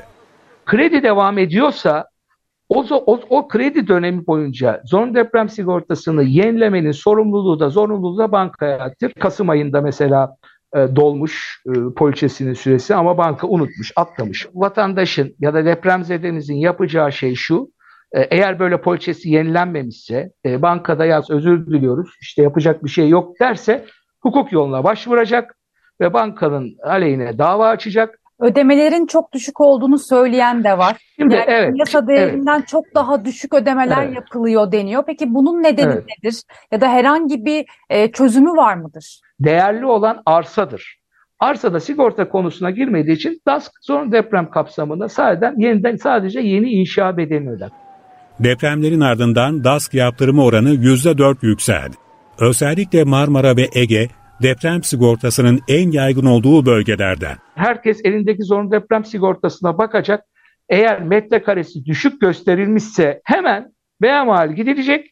Acente banka neyse hemen gerçek beyanı yapılacak ve ona göre teminat alınacak. Bu deprem şunu gösterdi ki zorunlu deprem sigortası tek başına yetmiyor. Belli bir yere karşılıyor. Herkes gidecek kendi eşyası için, konutu için gidecek. E, konut sigortası yaptıracak. Çünkü DASK zaten eşyayı karşılamıyor. Herkes acil tarafından gidecek ve zehirname yaptıracak. Yani poliçesini yeni teminatlara göre konutunu uyarlayacak. Aradaki fark şudur. 50 lira, 100 lira, 150 lira. Yani 100-150 lira, 200 lira ödediğiniz zaman siz 300 bin liralık teminatınızı 640 bin liraya çıkartabiliyorsunuz. DASK, depremden etkilenen konutları için 26 milyar lira hasar ödemesi yapacak. İstanbul Beyoğlu'nda bir anne 5 yaşındaki kızına yemek yedirdiği sırada yiyecek çocuğun nefes borusuna kaçtı. Çaresiz kalan anne en yakın eczaneye koştu. Eczacı Ömer Faruk Can'ın Can'ın çocuğun hayatını kurtardığı belirtildi. Bir anda içeri girdi, eczacıdan yardım istedi. Küçük çocuğun hayatı Heimlich manevrasıyla kurtuldu.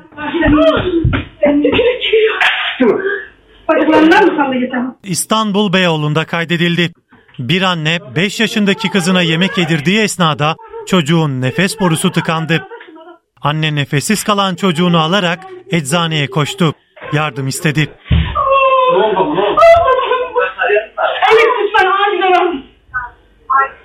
Eczacı Ömer Faruk Can çocuğa Heimlich manevrası uygulamaya başladı. Bir süre sonra manevra sayesinde nefes borusunda takılı kalan gıda çocuğun boğazından çıktı ve çocuk nefes almaya başladı. Çocuk nefes alamıyordu. Yüzü mosmordu. Ben anladım e, boğazına herhalde bir şey kaçmıştı. O sırada e, hemen kucağıma aldım çocuğu. E, hızlı bir şekilde hemlik manevrası uyguladım. Çocuk o sırada zaten tükürmeye başladı. Boğazına kaçan besin e, o, o sırada çıktı zaten ve hayata geri döndü. Çocuğun durumu iyi. Eczacı Ömer Faruk Can herkese hayat kurtaran manevrayı öğrenme çağrısı yaptı. Biz burada olmayabilirdik.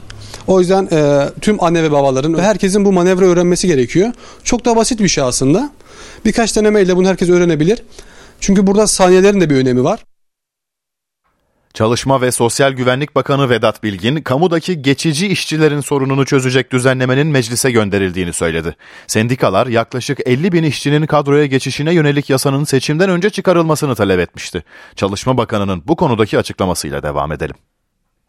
Tarihsel bir adım niteliğini taşıyan asgari ücreti vergi dışı bıraktık. Sadece asgari ücret alan işçilerin asgari ücret düzeyindeki yerlerini vergi dışında bırakmadık. Bütün çalışanlara bunu teşmil ettik. Emekçiler ilk defa asgari ücret düzeyindeki gelirlerinden vergi alınmayan bir dönemi yaşamaya başladılar. Bunlar onların hakkıydı. Bu hakkı teslim ettik. Geçici işçiler sorunu vardı. Geçici işçiler sorununu çözmek üzere önemli bir adım attık. Onu meclise intikal ettirdik kamu işçileriyle sürdürdüğümüz toplu sözleşme çalışmamız başlamıştı. Depremden dolayı hiçbir hak kaybı olmadan onu askıya aldık ama onu da gerçekleştireceğiz.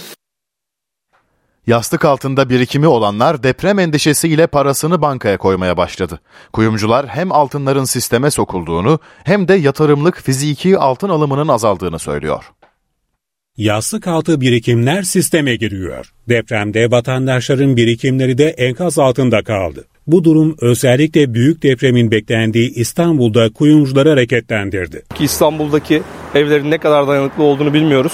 O yüzden yine de en güvenli yer e, bankalar gibi duruyor açıkçası. Bankoya koymayı tercih ederdim. Zaten benim e, fikrim o. Yani evde pek tutmayı sevmiyorum. Altınlarını finansal sisteme taşımak isteyenlerin sayısında önemli bir artış var.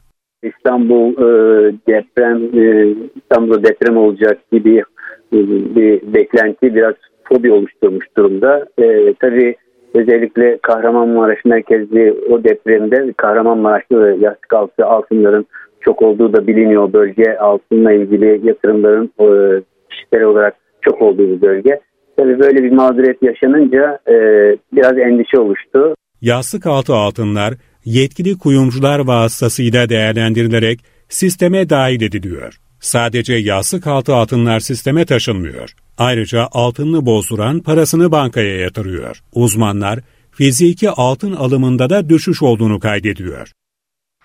Deprem bölgesinde onlarca fabrika üretimi durdurmak zorunda kaldı. Hem hasar var hem de göç nedeniyle çalışacak işçi bulmakta zorlanıyorlar. Bir de ham madde krizi kapıda. Tekstil ve hazır giyim sektörü kardeş üretimle deprem bölgesinin yaralarını sarmaya çalışıyor. Deprem bölgede ekonomik faaliyeti olumsuz etkiledi. Tekstil ve hazır giyim sektöründe de üretim kesintiye uğradı. Depremin ardından diğer illerdeki üreticiler depremzede firmalar için iletişime geçti. Üretimin %60'a yakını ilk iki haftada başka illere kaydırıldı. E, tabii yani çok acı bir olay yaşandı 11 ilimizde ve ondan sonra bir anda tabii insanların tekrar işe başlaması, fabrikaların tekrar yayın, e, normal üretim hayatına başlamaları bir süre alacak. Özellikle bizim derneğimizde e, bu anlamda ciddi bir şekilde dayanışma oldu. Hemen ertesi gün oldu ve devam edecek bu bir 6 ay sürer. Bu zincirin hep diyorum kırılmaması için elimizden gelen herkes bir şey yapması lazım. Bölgede 1616 hazır giyim firması 146 bin kişiye istihdam sağlıyor. Ayrıca 1290 tekstil firması 200 bine yakın kişiyi çalıştırıyor. Tekstil İhracatçıları ve Çalışanları Derneği rakamlarına göre hazır giyim ürünlerinin %10'u, tekstil ürünlerinin %45'i bölgede üretiliyordu. Firmaların önceki üretim kapasitesine dönebilmeleri için 3 aya ihtiyaçları olduğu ifade ediliyor. Ancak önemli bir sorun var. O da iş gücü göçü. Bizim bölgeden gidip de işte Bursa'ya, İzmir'e e, ama İstanbul'a gelenler, iş talebinde olanlar var. Biz mümkün olunca hepsini işe yerleştiriyoruz. Ama ben hep yerleştirirken diyorum ki bu geçici destek olmalı. Bursa'da tekstil mühendisleri böyle geldiler Maraş'tan. Onları istihdam etmek için görüşmeler yapıyoruz. Derneğimize başvuran herkese bu anlamda destek oluruz. Yani TİHÇAT e, başvurdukları zaman bize biz e, iş bulmaları konusunda her zaman olduğu gibi istihdam anlamında yardımcı oluruz. Tekstil sektörü ham madde ihtiyacının neredeyse yarısını bölgeden tedarik ediyor. Bu da ham madde krizi endişesi doğurdu.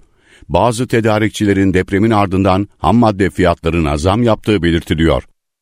E, Benim gördüğüm çırçır fabrikaları da zarar gördü. Tarlalarda benim en son aldığım duyum Hatay'da %10 gibi bir pamuk ekimi oluyormuş ve bu sene ekilemeyecek. E, O yüzden ciddi ileride 6 ay sonra bunun sıkıntılarını yaşarız. Türkiye'de öyle bir şey var. Az talep hemen anında deprem olmuş. İkinci, üçüncü gün ipliğe zam geldi. Deprem bölgesinde siyasetten özel sektöre, yardım kuruluşlarından gönüllülere birçok kesim el birliğiyle çalışıyor. Ama bölge insanına da görev düşüyor. Şimdi bir kez daha Hatay'a gideceğiz. NTV radyo programcısı Mete Çubukçu, Hataylıların ayakta kalma çabasını bizzat onlardan dinledi. Büyük bir sessizlik, büyük bir ıssızlık ve büyük bir insansızlık. Hatay, Antakya, diğer kentler gibi yerle bir olmuş durumda. Gerçekten bir savaş geçirmiş, hatta savaştan daha kötü bir görüntü hakim. Sokaklar bomboş. Bu yıkıntılar arasında insan dolaşırken ürpermemek elde değil. Ara sıra yollardan geçen araçlar dışında hemen hemen hiç kimse yok. Antakya, Antakya merkezi neredeyse terk edilmiş durumda. İnsanlar zorunlu olarak burayı terk ettiler. Tabii ki burada kalanlar, hayata bağlanmaya çalışanlar var. Ama konuştuğumuz birçok kişi şunu söylüyor. Hatay'ı ayağa kaldırmak için elimizden geleni yapacağız ve bu insanları geriye döndüreceğiz.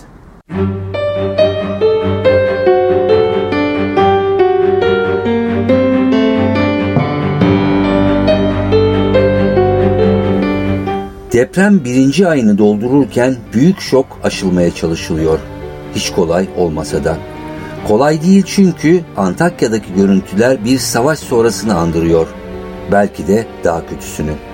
Kent neredeyse boşalmış. Enkaz kaldırma çalışmaları hızlanmış. Ancak o kadar fazla enkaz var ki nasıl ve ne zaman kaldırılacağını kimse bilmiyor. Kentin sokaklarında dolaşırken birkaç kişiye rastlıyoruz. Onlar da ya kentten gidemeyenler ya da işlerini tamamlamak için kente gelenler. O korkunç depremin ardından birçok can gibi anılar, yaşanmışlıklar ve bir kent neredeyse enkaz altında kaldı. Ve zorunlu olarak birçok kişi bu durumdan dolayı kenti terk etti. Özellikle kadınlar ve çocuklar. Çok az sayıda erkek burada ne yapılabileceğini konuşuyor. Arkadaşlar bir araya geldiğinde bu kent nasıl ayağa kaldırılır diye birbirlerine soruyorlar ve çok etnili, çok dinli, çok mezhepli bir mozaik olan Hatay'ın tekrar eski haline döndürülmesi için herkes bugünden fikir yürütüyor, umutlarını korumaya çalışıyor.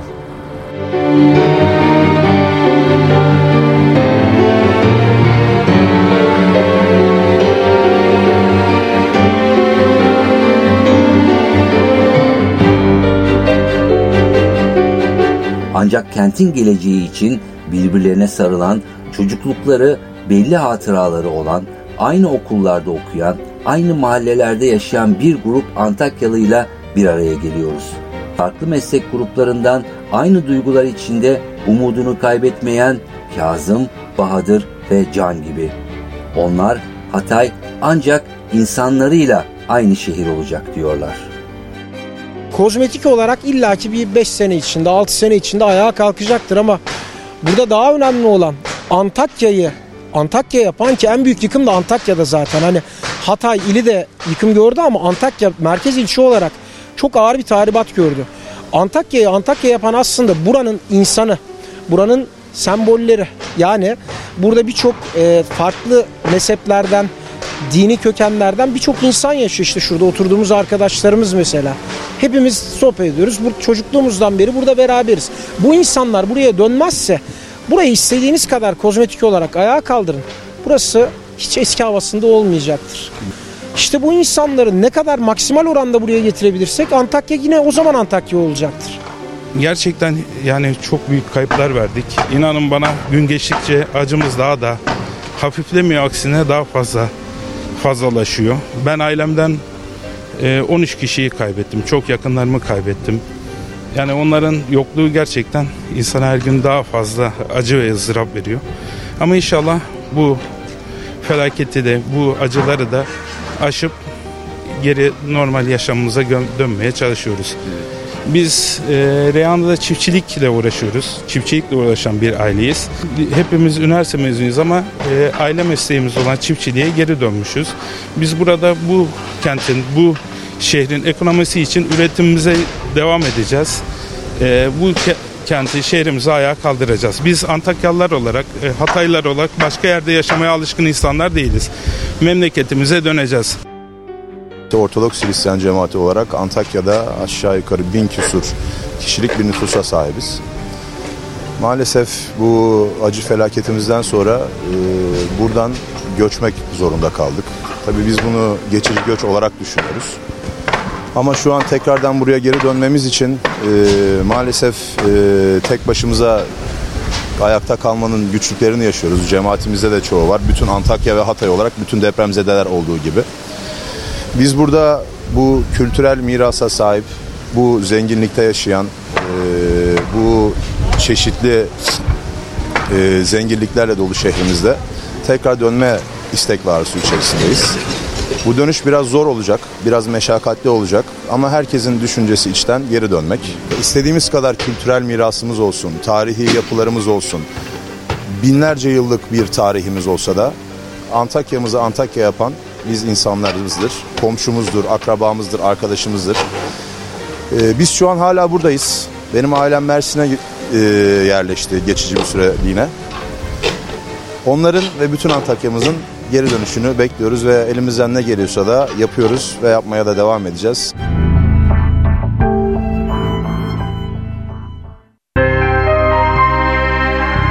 NTV Radyo Dünyaca ünlü oyuncak markası 8 Mart Dünya Kadınlar Günü'nü yeni ürünleri olan bir oyuncak bebekle kutluyor. İngiliz siyahi kadın uzay bilimci Doktor Maggie Ederin Pocock benzeyen bebek satışa sunuldu. Dünyaca ünlü oyuncak markası 8 Mart Dünya Kadınlar Günü'nü yeni çıkardığı bebekle kutladı. İngiliz siyah kadın uzay bilimci Doktor Maggie Ederin Pocock'un benzeri bir oyuncak bebeği piyasaya sürdü. Ederin Pocock'un kızları bilim, teknoloji, mühendislik ve matematik kariyerlerini teşvik eden çalışmaları nedeniyle Birleşik Krallık rol modeli serisine eklendiği duyuruldu. Uzay bilimci ve eğitimci Ederin Pocock, insanların siyah bir kadının böyle bir kariyere sahip olmasını genellikle şaşkınlıkla karşıladığını söyledi. Oldukça ilginç bulduğum şeylerden biri kendimi bir uzay bilimci olarak tanıttığım zaman bazı insanların çok şaşırması. Siyah bir kadının uzay bilimci olmasına şaşırıyorlar. Fırsat bulduğumda insanların aklındaki basma kalıp algıları kırmayı seviyorum. İngiliz Bilim Derneği'nin eski başkanı Ederin Pocock, en çok BBC'de yayınlanan The Sky at Night adlı astronomi konulu programı sunması ve James Webb teleskobunun geliştirilmesi üzerine yaptığı çalışmalarıyla tanınıyor. Oyuncak bebek gece gökyüzünü çağrıştıran mavi yıldızlı bir elbise giyiyor. Yanında ise yıldızları izlemek için bir teleskobu bulunuyor. İngiliz bilim insanı hayattaki amacının kızları bilim alanında kariyer yapmaya teşvik etmek ve bunu daha erişebilir kılmak olduğunu söylüyor. Çocuklarla konuştuğumda vermeyi hoşlandığım mesajlardan biri de yıldızlara erişmeleri. Hayatım boyunca uzaya gitmek, diğer yıldızlara ve onların etrafında dönen gezegenlere seyahat etmek istedim. Çocuklara büyük, çılgın ve çok güçlü hayalleri olmasını söylüyorum. İsrail ablukası nedeniyle Gazze'de yaşam koşulları giderek ağırlaşıyor. Han Yunus mülteci kampında öğrenciler servis ücreti çok pahalı olduğu için eşek arabasıyla okula gidip geliyor. Okul servisi yerine eşek arabası hizmet veriyor. Tek tek evlerinden alınan öğrenciler eşeğin çektiği arabada okula gidiyor.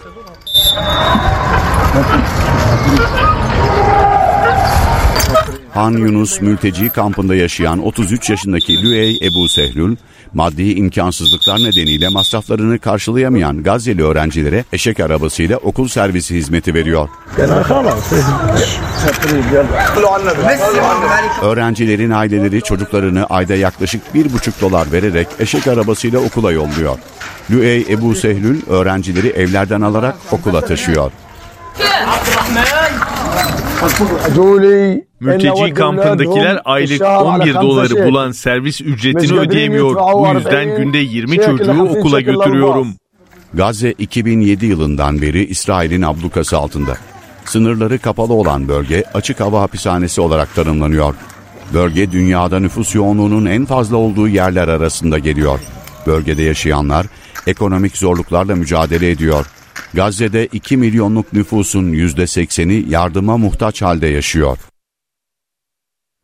Fransa'da emeklilik yaşını 62'den 64'e çıkarmayı öngören tartışmalı reforma karşı protestolar sürüyor.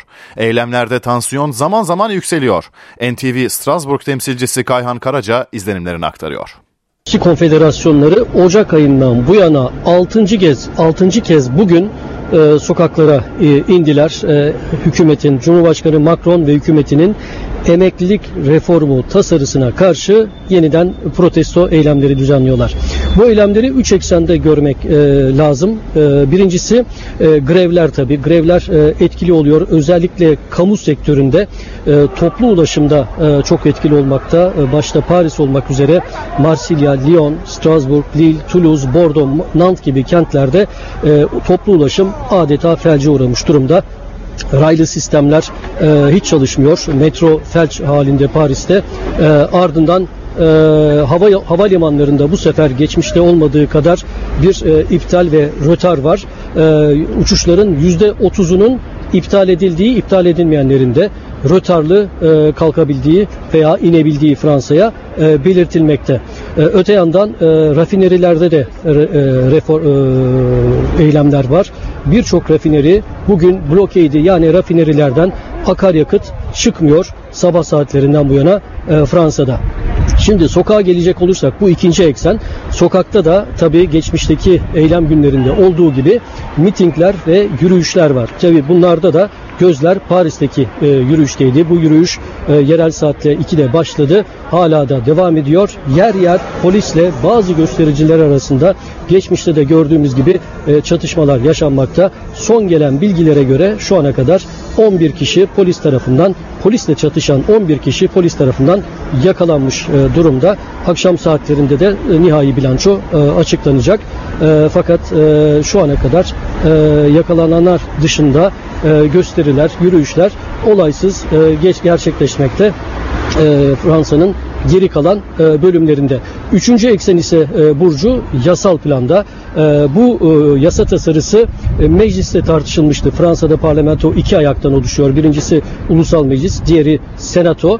Ulusal mecliste e, oylanamadan senatoya postalandı bu yasa tasarısı. Senatoda 2 Mart'tan bu yana bu yasa tasarısını tartışmakta ve eğer her şey yolunda giderse pazar günü bu yasa tasarısını e, oylayacak, değiştirerek oylayacak. Senatoda Cumhurbaşkanı Macron'un partisi çoğunluğa sahip değil, sağ partiler çoğunluğa sahipler. O partiler ilki olarak emeklilik reformunu destekliyorlar fakat bunun karşılığında o destek karşılığında siyasi ödünler koparmanın peşindeler Cumhurbaşkanı Emmanuel e, Macron'dan e, pazar gecesi nihai halini senatoda aldıktan sonra e, metin meclise geri gönderilecek. 15 Mart'ta bir karma komisyon toplanacak meclisle senato arasında e, Paris'te.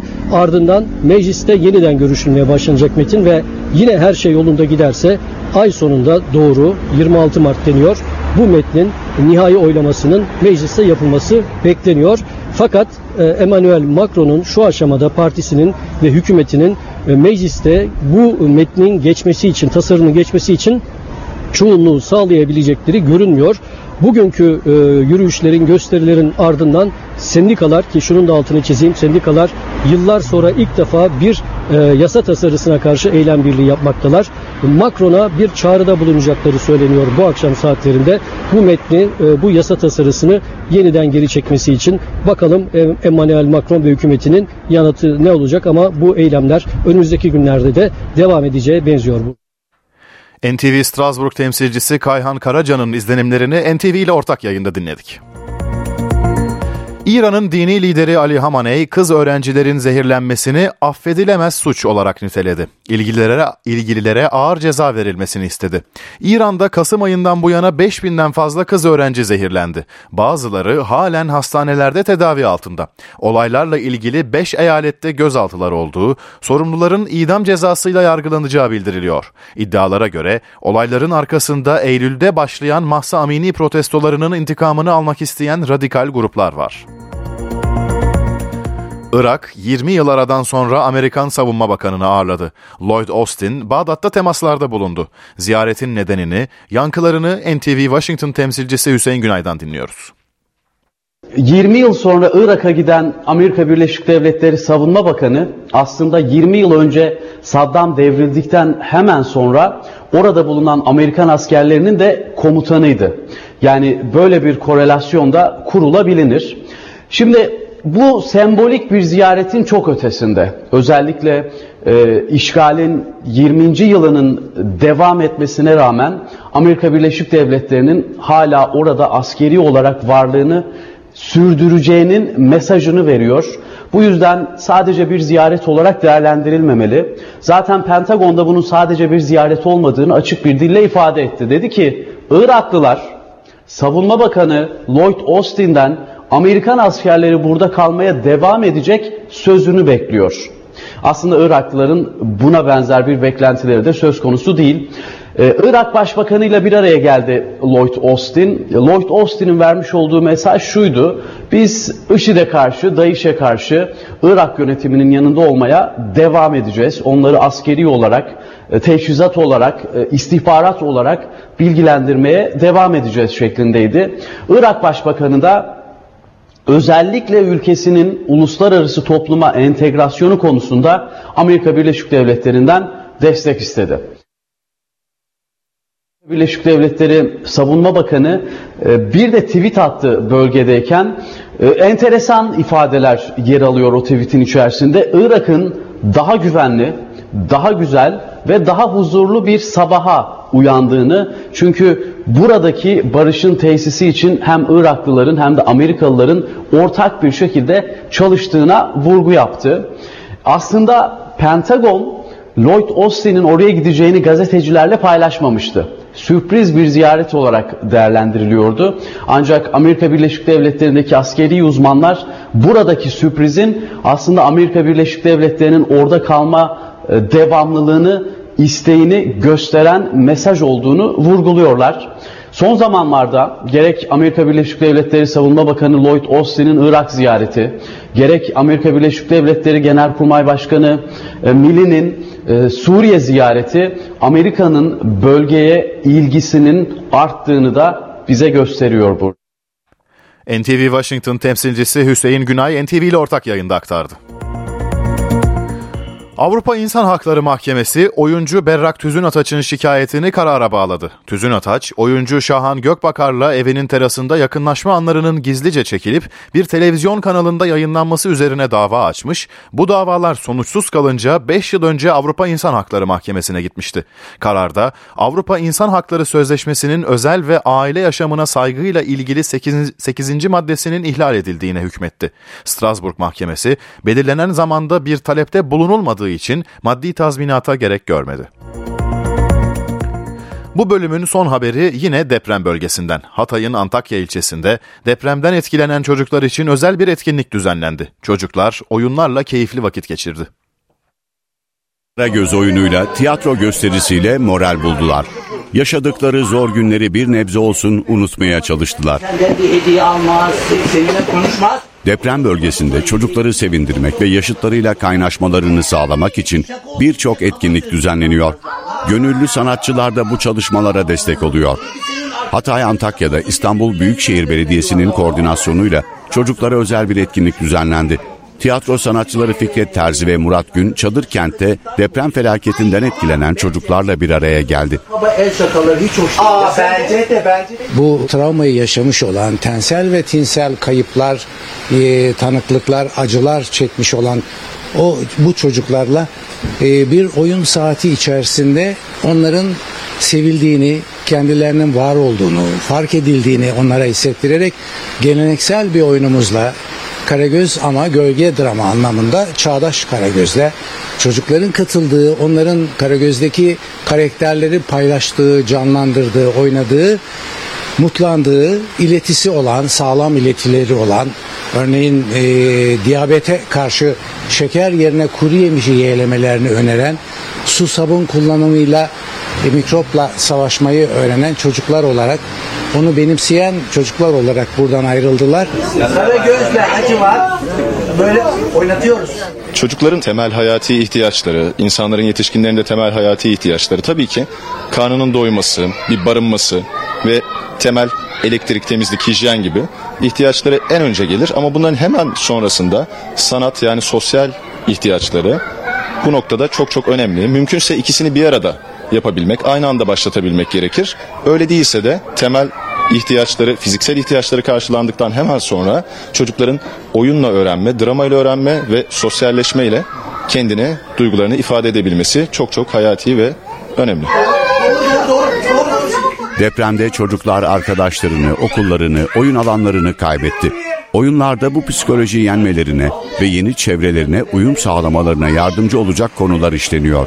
Çocukların özellikle deprem bölgesinde de çok çok önemli olan hijyen ve gelişimlerinde çok çok önemli olan şeker tüketimi gibi konularda dikkati çektiğimiz, güncel temalarla beslediğimiz, gelenekselle günceli harmanladığımız ve çok çok örneğine rastlamadığımız hem ayna hem de çocuklarla bir orta oyun şeklinde ve güncel bir tema ekseninde.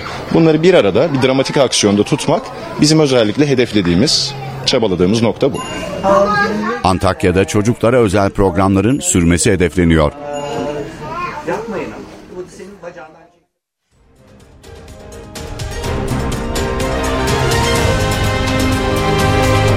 NTV Radyo